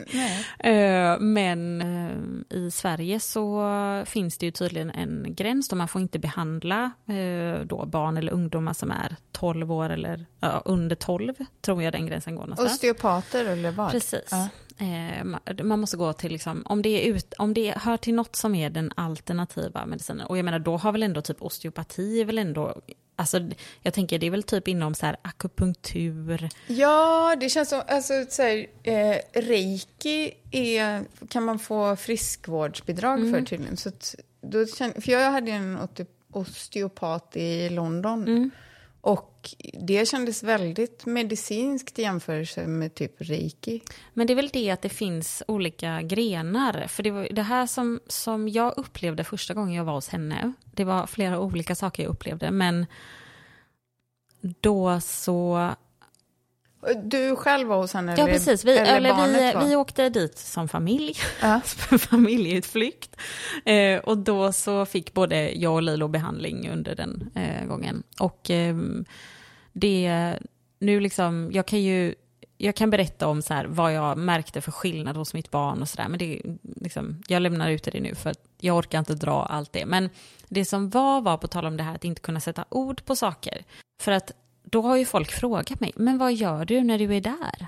Ja, alltså jag ligger på den här britsen eller, brits låter alltid så sterilt, det låter som man är på väg att dö typ. Men jag ligger på den här Fast det är bra för osteopaterna och andra liksom, alt, alternativ, alternativmedicinska Ja, att det professioner. låter att det låter liksom sterilt. Men, och, och jag minns första gången så la hon typ bara sitt sin hand här under mitt bäcken och jag kände det som att jag flög. Och jag, jag brast ut i ett gapskratt och då sa hon så här också att hon har liksom typ män som kommer till henne som jobbar som så här, ja, men klassiska liksom, kostymnissar med portfölj typ. Som måste hålla ihop det hela dagarna. Som ligger och skrattar som små barn typ. Det låter ju sjukt obehagligt nu när jag säger det men, men just det här typ att och det är så svårt när man är, när man ska förklara för någon när man har så på något vis diametralt olika eh, liksom, eh, utgångsläge i tro till exempel, eller övertygelser, eller bara vad man är öppen för. För då har jag haft folk omkring mig som har varit så här, ja men jag tror inte på det där. Och, för, för att, och jag kan inte heller så här, ja, jag kan inte komma med siffror typ, det här är vad som händer, eller typ, eh, hon tar ett blodprov, jag har de här värdena, hon ger mig det här, jag har de här värdena. Det är bara en väldigt stark känslomässig, spirituell och sen kroppslig upplevelse som jag aldrig har upplevt innan jag var hos henne. Eh, och, men sen, alltså jag tror ju att hon är någon fantastisk häxa. Jag sa ju till Jonathan när vi åkte därifrån att jag ville gifta mig med henne. Alltså jag var så, liksom, Dålig stämning. Ja, precis. Nej, men, eh, nej, men just det här bara att, ehm, att det är så... Nej, för det jag skulle komma tillbaka till var också att eh, det här med att man tydligen då inte får behandla barn. Och hon är så fantastisk, för hon säger så här, jag kan inte all min vetskap, och hon är ändå, hon är utbildad, liksom, hon är eh, liksom utbildad inom, eh, hon har kört ambulans och sådär, så att, och Hon har körkort. hon har körkort, hon har kört ambulansen. Eh, nej men ambulanssjukvårdare liksom. Och eh, hon har sagt att jag kan inte somna på kvällen om jag vet att jag kan, hjäl- om jag kan hjälpa barn och låta bli. Så kan jag, jag kan liksom inte leva med mig själv. Så när vi har bokat tid för Lilo så har vi bokat i vårat namn såklart för att det inte ska synas och så. Men, eh, Förutom att barnavårdsnämnden kommer lyssna på den här podden. de kommer anmäla mig till socialen för att jag har försökt. Fast jag bara, men ni ser ju att mitt barn mår bättre. Ja. Nej men, eh, vad, jag vet inte vad det är. Jo, men på tal om liksom tro, övertygelse och saker som faktiskt inte går. Eh, upplevelser man själv kan ha och hur svårt eh, man kan, och även om man kan sätta ord på dem, för de som inte är öppna eller som inte vill eller som, så tänker jag att de orden kanske landar på ett annat ställe ändå. Ja, alltså grejen är, alltså det är ju som att ge råd till folk. Alla ger ju, eller ta emot goda råd från folk. Alla ger ju, liksom alla kan ju bara precis det de kan utifrån där de är just då. Och jag, jag tror att jag har försökt att förklara massa grejer för folk som inte är så jävla intresserade och då, då förstör ju det lite för mig. Förstår du? Om man liksom försöker berätta om starka andliga upplevelser. Jag hade en otroligt stark andlig upplevelse för några veckor sedan när vi åkte hela familjen och kollade på AIK. Så här. Jag, precis, jag började heja på AIK i augusti.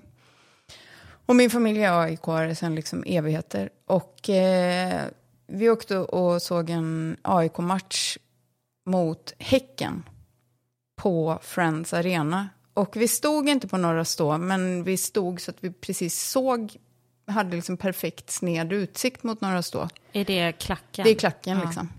Och det var så otroligt starkt för mig. Jag kände verkligen, jag kände liksom Gud där. Och jag skiter typ i fotboll egentligen, men den känslan älskar jag. Det är liksom samma typ av känsla som jag får när jag lyssnar på, på så här, eh, eh, drill jättehögt i bilen ensam. Så här. Det, det är andligt, men nu, du hör ju själv när jag försöker sätta ord på det.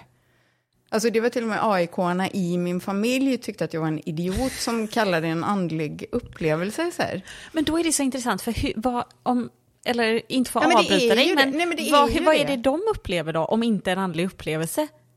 Ja, exakt. Men de, nu kan det ju vara för att vissa personer som jag sa det här till är mina barn som tycker att jag är en idiot i största allmänhet nästan alltid. Men så här, att försöka förklara det eh, för öron som inte liksom... Egentligen kanske försöka förklara det för någon, för att jag tror att, jag tror att man ska ta de där... Det som man upplever själv som ger en liksom någon sorts näring till själen och som får en att känna så här, eh, någon typ av eh, anknytning till Gud eller till världsalltet eller en annan människa.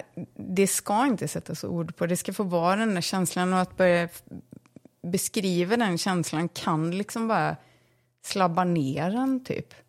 Den ska bara få vara där och vara helig liksom.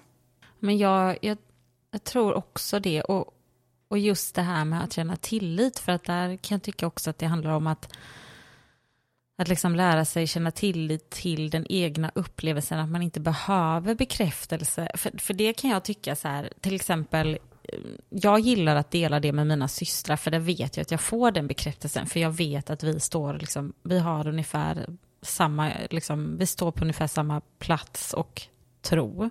Så där, är, där vet jag att kommer jag med en upplevelse så liksom kommer den tas om hand om och jag kommer inte känna att det, jag, det är något som känns smutsigt efter. Men, Men det kanske- som blir... Förlåt, men, men kanske för att de känner samma Ja, sak. men precis. Du? Så Och- att ni, ni liksom har en sorts... Eh, Ja, och det, och det är det jag tänker också med det här att det är en fristad för mig. För jag vet att, för så fort man, men, men det är där jag tänker att man, att man lär sig efterhand. För jag kan tycka att det där behöver inte heller handla om något, om det andliga. För att jag vet ju saker där jag har lärt mig med folk omkring mig så här, okej, om det här har hänt mig, alltså säg, vare sig om det är en, en liksom positiv sak eller något som är jobbigt, så tycker jag att jag har lärt mig så här, okej, men vem är, vem kommer förvalta det här? Vem vill jag anförtro det åt som inte kommer att, och att det är, hur ska jag förklara det? Jo, men att till exempel jag vet när jag,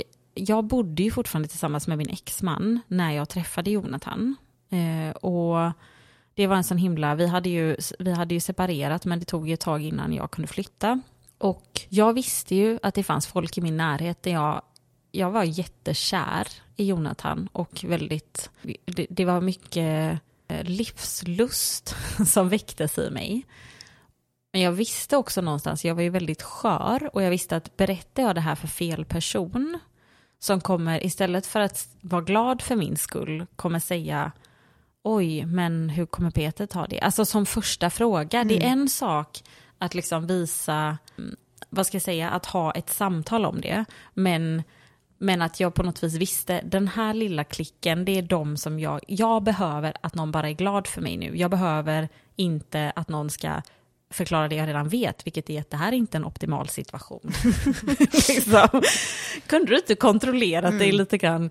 Eh, utan jag behövde att någon bara skulle vara glad för mig. Och då liksom visste jag, det är de här personerna som kommer vara det och det är det jag behöver. Mm. Men, men just det här med att, är inte det någonting som är fint eller som man känner att man kan lära sig med, liksom, kanske när man, ju äldre man blir men också ju bättre man, man lär känna sig själv eller de omkring en, att man vet också eh, att jag att den här upplevelsen, den här andliga upplevelsen känner jag tillit till att jag upplevde den och jag behöver inte att någon annan säger åh oh, wow, du upplevde, jag mm. vet att jag upplevde den. Mm. Uh, för där tänkte jag på, och det här är, det är inte samma sak, men jag tycker ändå på något vis att det tillhör samma universum, det här som du sa förut, att, när folk, att folk ville att du skulle säga att de inte var illa ute eller att de inte var alkoholister det här att man hela tiden väntar på att någon annan ska tala om ett facit för en. Eh, och det här att om du ställer frågan någonstans så kanske du, du redan vet. Och, för det här tänkte jag på när jag, jag minns när jag, när jag började känna att jag ska nog inte vara i det här äktenskapet längre. Att jag googlade så. Hur vet man när man vill skilja sig? och då tänk, tänk, jag vet att jag ändå till och med då började tänka så här, det är nog kanske när man googlar det här. Ja, ja men det, det tycker jag är en extremt bra illustration. En främling över, ska säga det till mig på nätet. Ja, men jag, liksom. ja, men jag googlade ju exakt, på exakt samma sätt så googlade jag hur vet man om man är alkoholist eller är jag alkoholist? Det är så här, alltså det tog flera år efter att jag hade googlat det första gången tills jag faktiskt eh, bad om hjälp. Liksom. Men eh, men jag tänker också att det finns, eh, det finns en sån, eh, alltså när man, när man är med om någonting som du beskriver sådär och får det liksom bekräftat så är det ju starkt. Men det finns någonting så jävla starkt i att kunna bekräfta det själv. Mm. Liksom.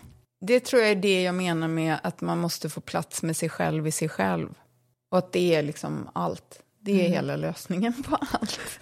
Och sen är allting, liksom, ingenting är ju perfekt eller färdigt någonsin. Men att så här, ja, du förstår själv att om du googlar det här så kommer det, så är det så. Du, du vet redan allt. Du måste bara liksom lära dig att du vet det.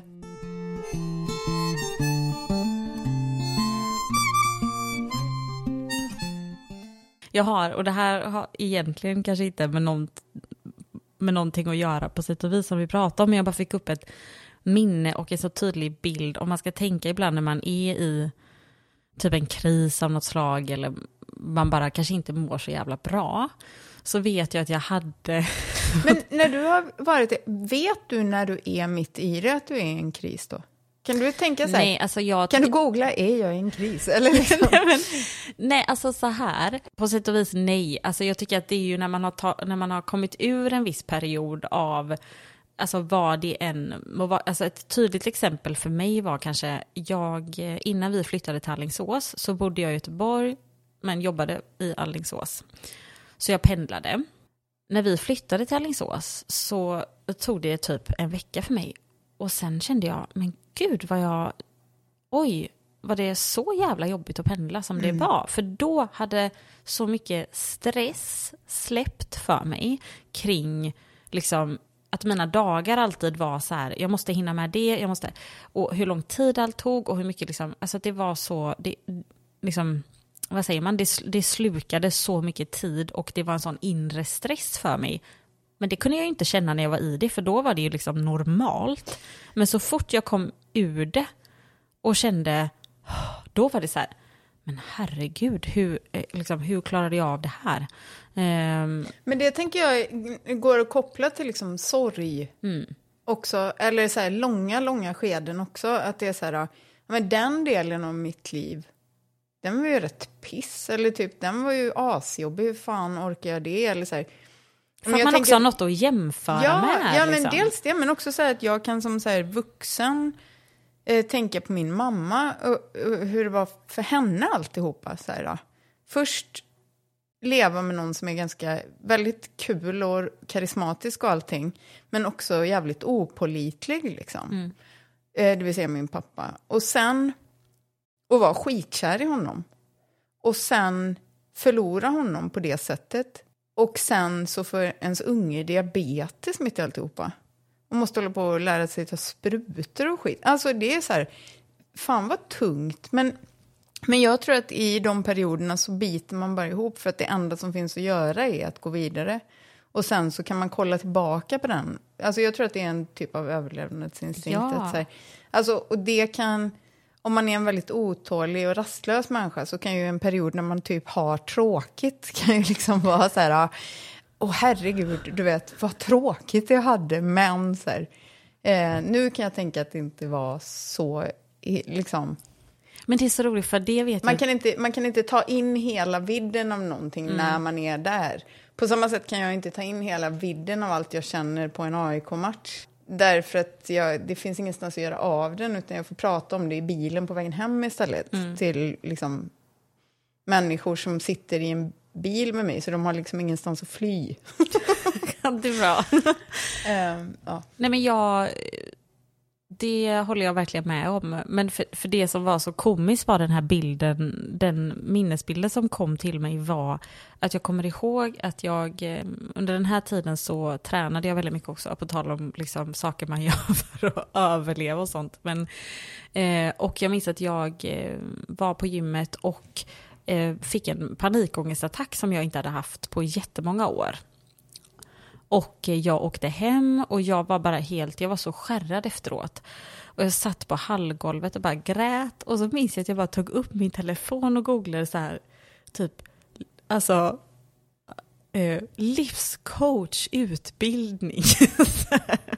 Alltså jag tänker så här, mitt uppe i det där, för det första typ så här, det är ingenting som jag typ har känt. Vill du bli livscoach? Nej, och det, det är så roligt. Jag, liksom så här, men så tänker jag, ja, en del av mig kanske tänkte då, jag vet inte om det var någon sån här, att man hade någon, mitt i all den här liksom, jag var ju knappt kapabel till att ta hand om mig själv. Då tänkte jag, vad bra, kan jag utbilda mig att ta hand om någon annan istället?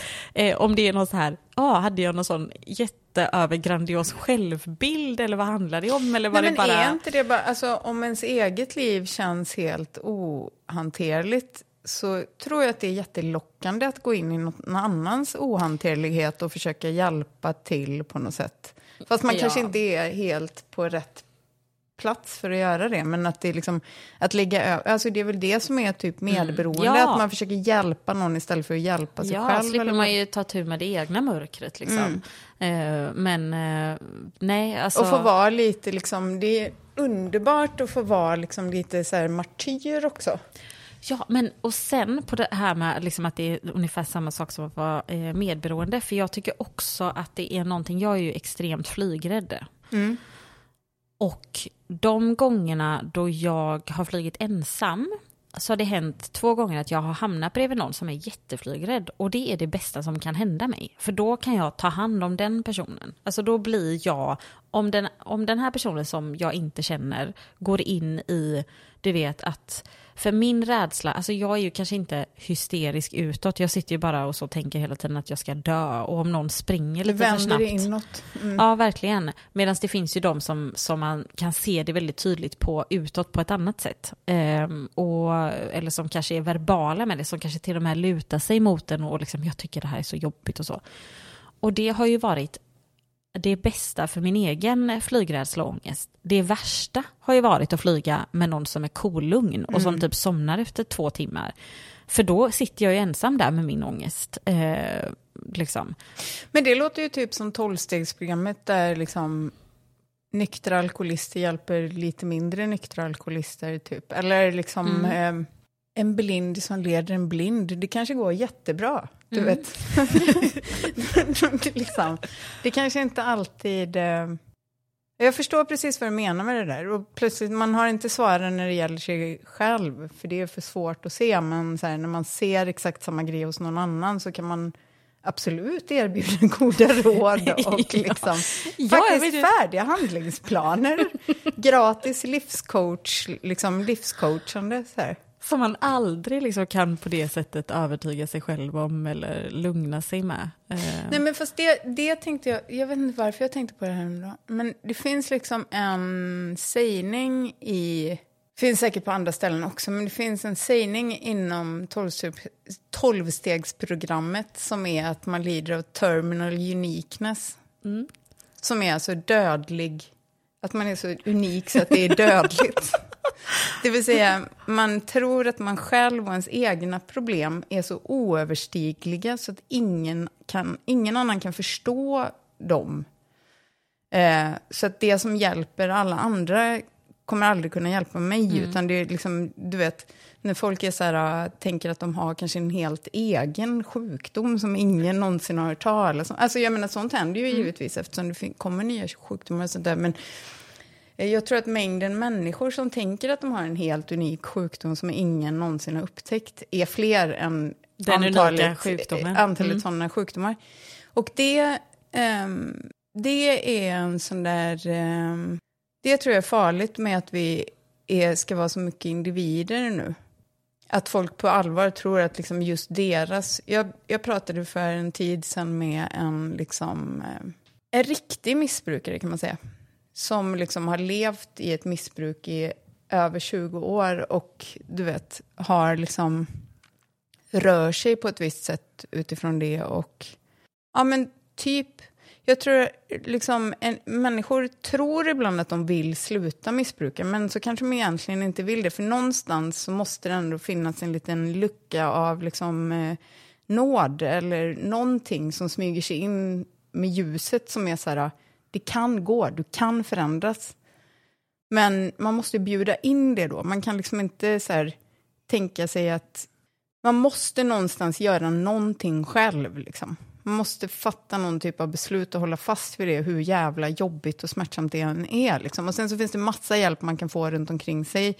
Men så här, om jag skulle vilja dricka igen så kan jag absolut göra det. Och jag kan inte skylla på någon annan om jag skulle göra det. Förstår du? Det, är liksom så här, det finns någonstans ett val. Och jag tänker att det är så med typ att vara deprimerad också, att man måste typ göra ett val att typ be om hjälp. Eller liksom, att det, det är det finns någonting med att eh, bara förstå... Jag tror jag skulle återknyta till skrivande och skapande. det är så här, ja, skriv din jävla bok, den kommer inte bli perfekt, du vet. Mm.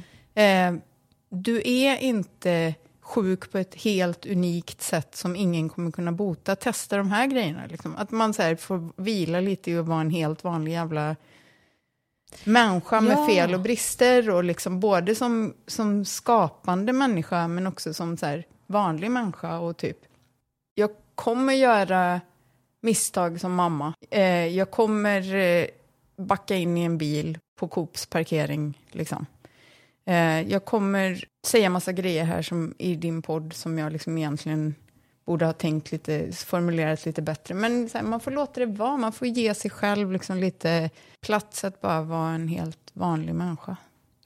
Ja, och för jag, tr jag tror ju också att det är en slags eh, lustig blandning det här med att man tänker att man är så himla unik, eller känslan av det är ju på något vis någon kombination av total hybris och totalt självhat mm. på något sätt. Ja. Det är en sån himla konstig mix typ. Eh, men också att man, eh, jag tänker också typ så som det ser ut idag när, när allt, när typ alla personer, man ska vara typ ett eget jävla varumärke typ. Man kan inte bara det, men du vet, vara liksom en vanlig jävla person för att typ... Vi pratade om skam att, förut, jag, oh. fick sån, jag fick sån otro... nu kanske du har det här, men jag fick sån enorm... Eh, jag har slutat sedan några år tillbaka att skämmas åt andra, utan mm. jag skäms bara för mig själv nu för tiden. Mm. Det lilla jag skäms då, för jag har liksom men inte skäms att skämmas. mina vägar. Nej, men jag skäms för det här. För det kom upp så på, på Instagram att jag kunde få sån här blue tick, du vet, ja. efter mitt namn. Och jag fick, sånt, jag fick sån skamsköljning. Jag var så här, Åh, pinsamt. Jag bara såg mitt användarnamn med en sån blue tick mm. efter och så bara, nej, nej, nej. Man måste inte det, så det var ju liksom lugnt. Men, så här, Men det här är så roligt, för det här har ju tydligen varit någonting de senaste dagarna tror jag. För att jag kommer ja, inte alla, ihåg. Alla verkar ha fått det liksom. Ja, nej, för jag förstår precis vad du menar. För typ exakt samma sak hände mig, att jag bara kände så. För att jag föreställde mig för en sekund hur det skulle vara då. Inte att jag var sugen, utan bara så här, ja liksom, det, var, det gick så på en millisekund. Och så bara, fan, vem fan, ett jävla, ska jag verifiera jag, ja, det är fan ingen som bryr sig om mig. Eller så här, jag kan verkligen förstå poängen, om du, om du vill göra ett konto och du är Beyoncé så kan det väl vara ganska skönt att så här, Att det inte är alla andra Beyoncé vet. två- 2018 som Ja, liksom som skriver i upp- folks DM typ Ja. Hello I'm Beyoncé, I have two tickets typ. Och så är det någon som gått på. Men eh, nej, för, alltså, för jag, eh, jag förstår vad du menar eh, exakt. För jag kan liksom inte tänka mig.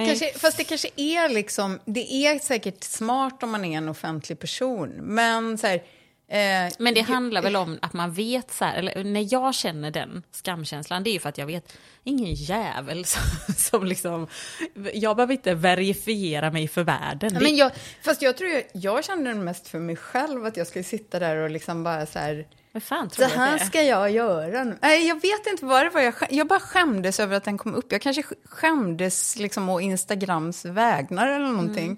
Jag kände mig typ lite ägd, tror jag. Jag kände att nej.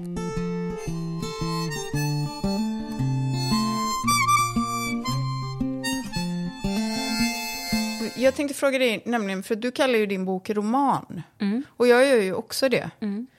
Och jag undrar varför du gör det. Jag gör det dels för att jag eh, tycker att det är en roman. Att det in, och sen, men sen är det väl också... Alltså när jag skrev den här så har det ju... Jag har ju utgått från vad älskar jag att skriva och läsa och vad känns på något vis i hjärtat för mig och i magen för mig när jag läser. Och eh, det och då, då är det liksom den här typen av bok. För mig har det väl varit viktigt att det faktiskt är en roman för att texten, eh, lite, lite det du var inne på förut, typ att det är det här texten kräver. Och jag kan inte heller, har, jag har ju liksom, vissa grejer har jag ju eh, liksom dragit till sin spets eller eh, för att det bara är en, någonting som behövs. Och då tror inte jag att det hade kunnat vara någon annan bok. Och, och sen så... Ja, sen vet jag inte, det ligger väl säkert... Det ligger väl... Nej, jag vet inte. Fast jag vill inte heller säga typ... En del av mig var på väg att säga att ah, det kanske ligger någon sån här prestige över det också. Att man inte så... Ah, det, det ska inte vara typ en, att ah, här har jag släppt en bok om mina erfarenheter eller någon självhjälpsbok eller något. Men, men det, jag tror att det ärligaste svaret är bara att det är den typen av... Att det var det texten krävde. Mm. Bra svar. Vad, är det, vad tänker du om din bok? Eh, men jag kallar ju också den roman. Och det har en, en orsak till det var att mitt barn, ett av mina barn sa om du använder mitt namn i den här boken. För i min förra, i vinboken så använde jag deras namn. Eh, den boken kallar jag en rapport. Och det är en rapport.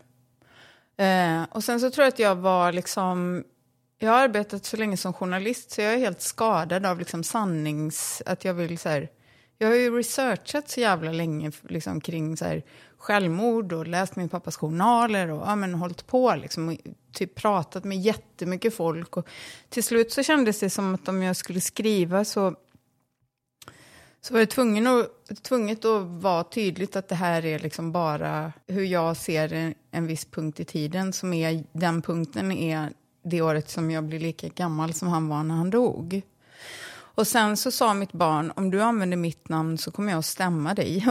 och sen efter det, då berättade jag det för min förläggare och då sa han, eh, men skriv en roman då. Och eh, det gjorde att jag kunde skriva så som den skulle vara. Jag har förstått, på massa privata sätt så har jag ju förstått att det här är ju sanning också liksom. Men eh, jag kan liksom inte ha det anspråket riktigt. Jag förstår inte riktigt heller varför någon annan skulle ha det eller varför jag ska, varför jag ska sitta här med dig och tänka så här, var hon verkligen med om det här som står i hennes bok? Eller kände hon verkligen exakt det här som står i hennes bok? det som jag upplever när jag läser din bok är att det är ett eh, konstverk som jag får ta del av som handlar om att vara människa. Och handlar om en sorts eh, kamp och längtan och liksom olika saker. Och det får jag, jag får ta det som låter sant för dig, som liksom slår an någonting i dig och skit i resten. Så tänker jag väldigt ofta när jag läser. Och då kan jag läsa böcker om nästan vad som helst, eller av nästan vem som helst. Om det är liksom välskrivet, mm. så, så kan det liksom väcka känslor i mig som kanske inte alls är vad den personen som har skrivit det hade tänkt eller känt eller liksom så. Utan att det bara är som en väv. Ja, men som man, får, man får liksom, det, det är så här, folk bara läser en bok och ska typ så berätta vad de tyckte om den. Ja, så här, vad fick den dig att känna? Mm. Alltså vad, vad kunde du växa av genom det här? Eller liksom lära dig eller vad det nu kan vara. Det blir liksom, om man är intresserad av att vara människa så tycker jag att det är så intressant att, att, få ta del av saker. Sen spelar det inte så jävla stor roll exakt vad sanningshalten är i allt och liksom sådär. Nej, och jag tycker att det är en... Eh, för mig så är frågan om sanning också att saker kan, liksom, saker kan kännas sant. Det är mycket som jag, eh, jag menar, jag förstår också att det är mycket som jag har konsumerat i form av filmer eller böcker eller vad det nu är, som jag har känt in liksom i märgen, som har resonerat och där det har känts sant. Där massa säkert är bara så, två personer har suttit och bara brainstormat över, över ett bord, Eh, eller, liksom, eller inte.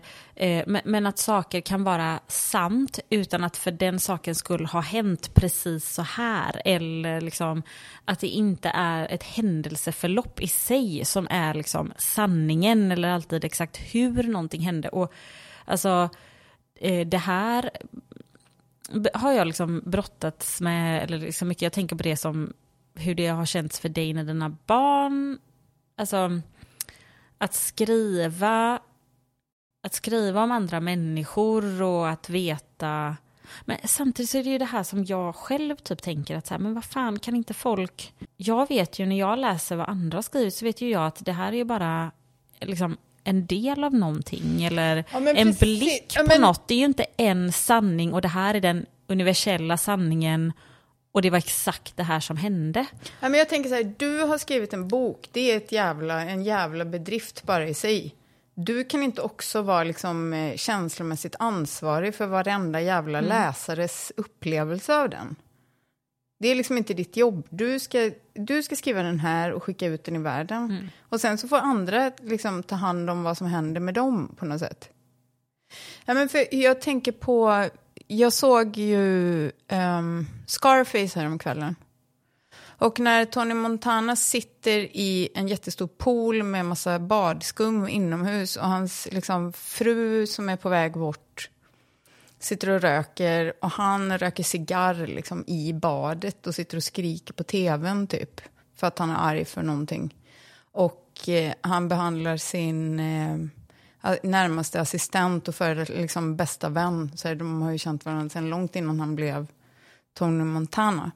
Eh, så sitter han där och bara är liksom ett sånt jävla as och bara förelämpar alla. Och liksom, det, allt han vill är typ att ta kokain och röka cigarr och supa. Typ, så här. Och så sitter han liksom i ett lyxpalats och så sitter han och skriker.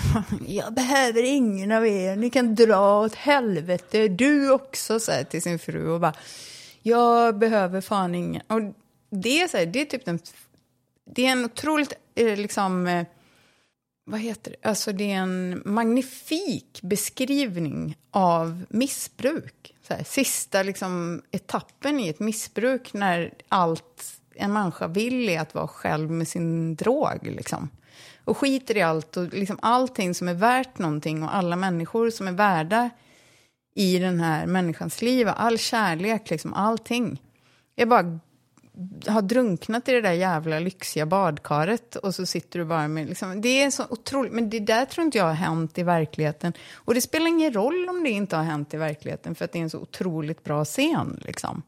Så jag tänker att man Ja, precis. Och där är det ju någonting som är sant. Ja, alltså, ja den, det finns ju, det är, det sannaste, det är ja. sannaste skildringen av ett missbruk. Mm. Men samtidigt så, ja, jag skiter i om det är sant, för mig är det sant. Ja. Liksom. Och jag, jag vill gärna få relatera till den scenen utan att liksom någon ska här, förklara exakt vad de har inspirerats, oss, inspirerats av eller liksom så.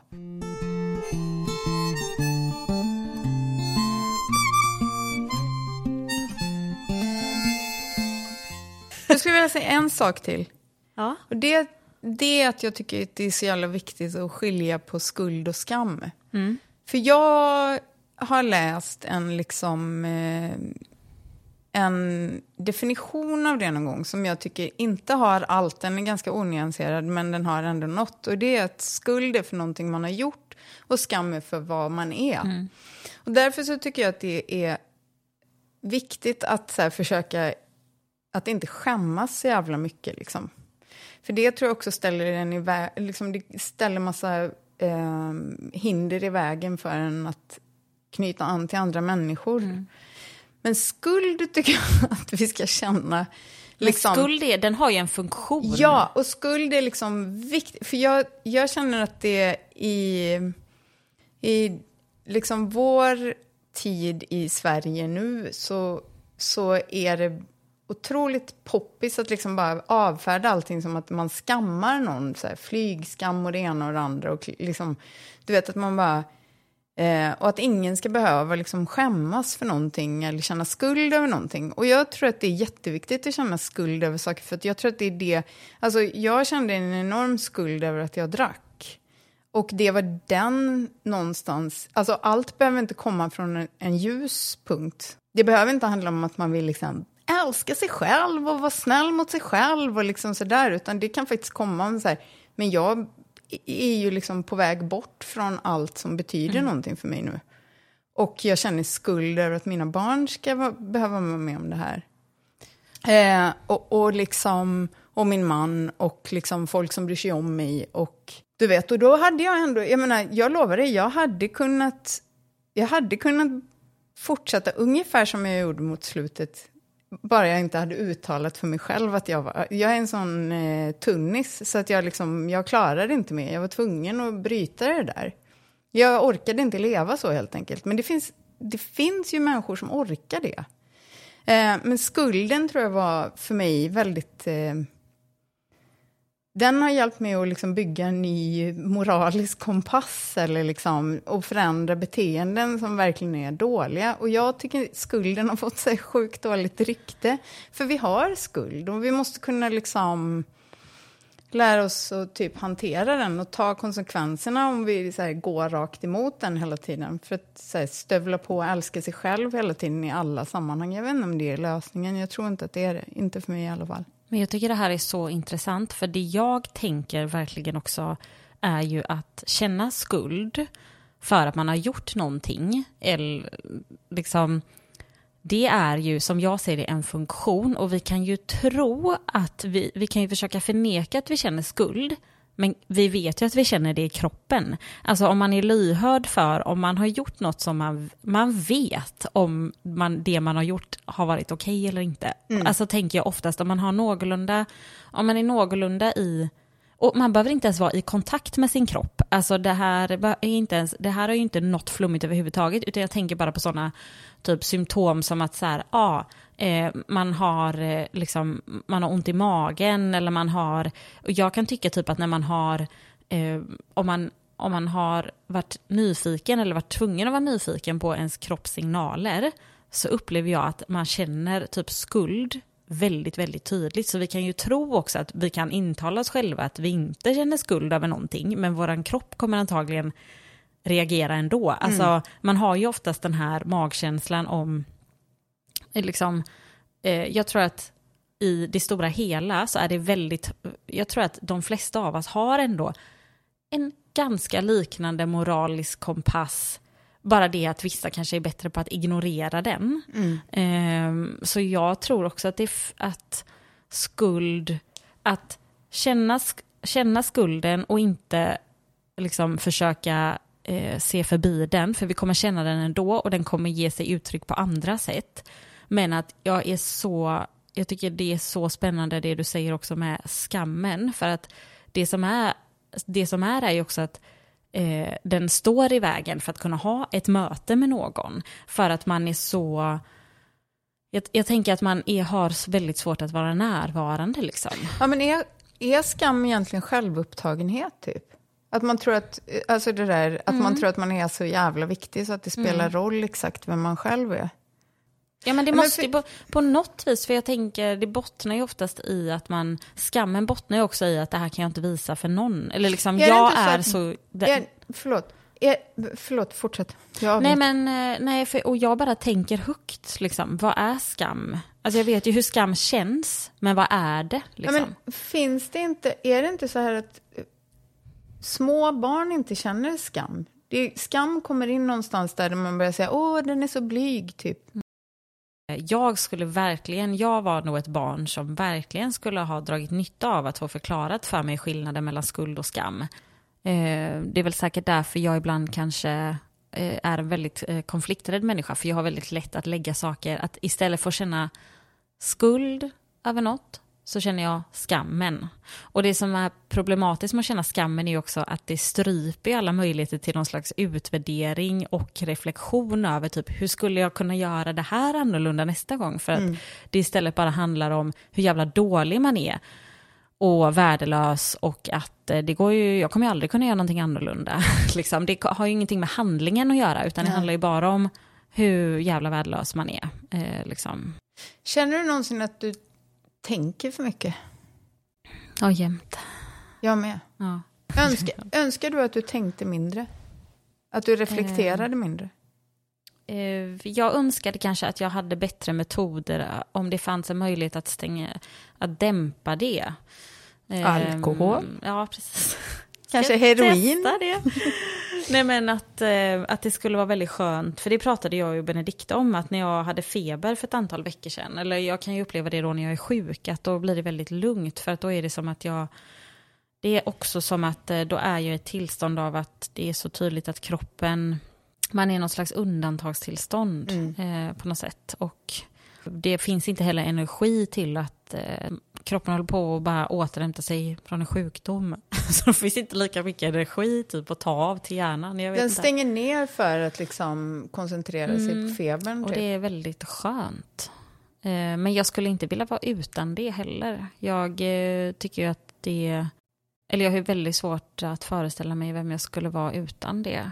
Det är en väldigt... Eh, jag tycker att det är en väldigt tillgång. Jag har ju väldigt sällan tråkigt i mitt eget huvud.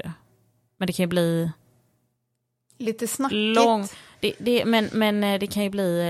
eh, Ibland så vill jag liksom bara ställa mig och skrika. liksom. Jag tycker det blir lite snackigt liksom, ibland. Mm. Att man bara, men det här är redan tänkt eller liksom. Och Det att här det också leder- är det här i mun på varandra kan jag Ja, känna det, hela led, tiden. det leder liksom ingen vart. Det här är onödigt. Mm. Slappna av. Jag tror det är därför vi har film och böcker och liksom. Mm. Men för att få jag, vara i någon annans sån inre dialog verkligen. hela tiden. det, här, det här samtalet är egentligen bara din hjärna eller min hjärna som att vi, det pratar med sig själv. Det Men- är lite snackigt. Mm. Det ska, vi, det, ska vi inte, det ska vi inte krypa under stolen med.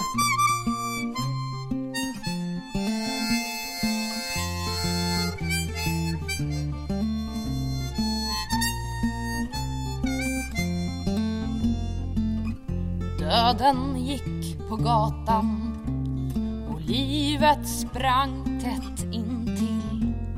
De följdes in vid rälsen då lärkan sjöng en drill. Varför följer du i mina fotspår och sjunger min melodi? Sa döden med tunga fotsteg som han gör han drar förbi. Han såg ledsamt på livet och sa vi måste skiljas här. Men en dag så ska vi mötas. Förlåt, men jag vet inte när. Så nu får du sjunga din egen sång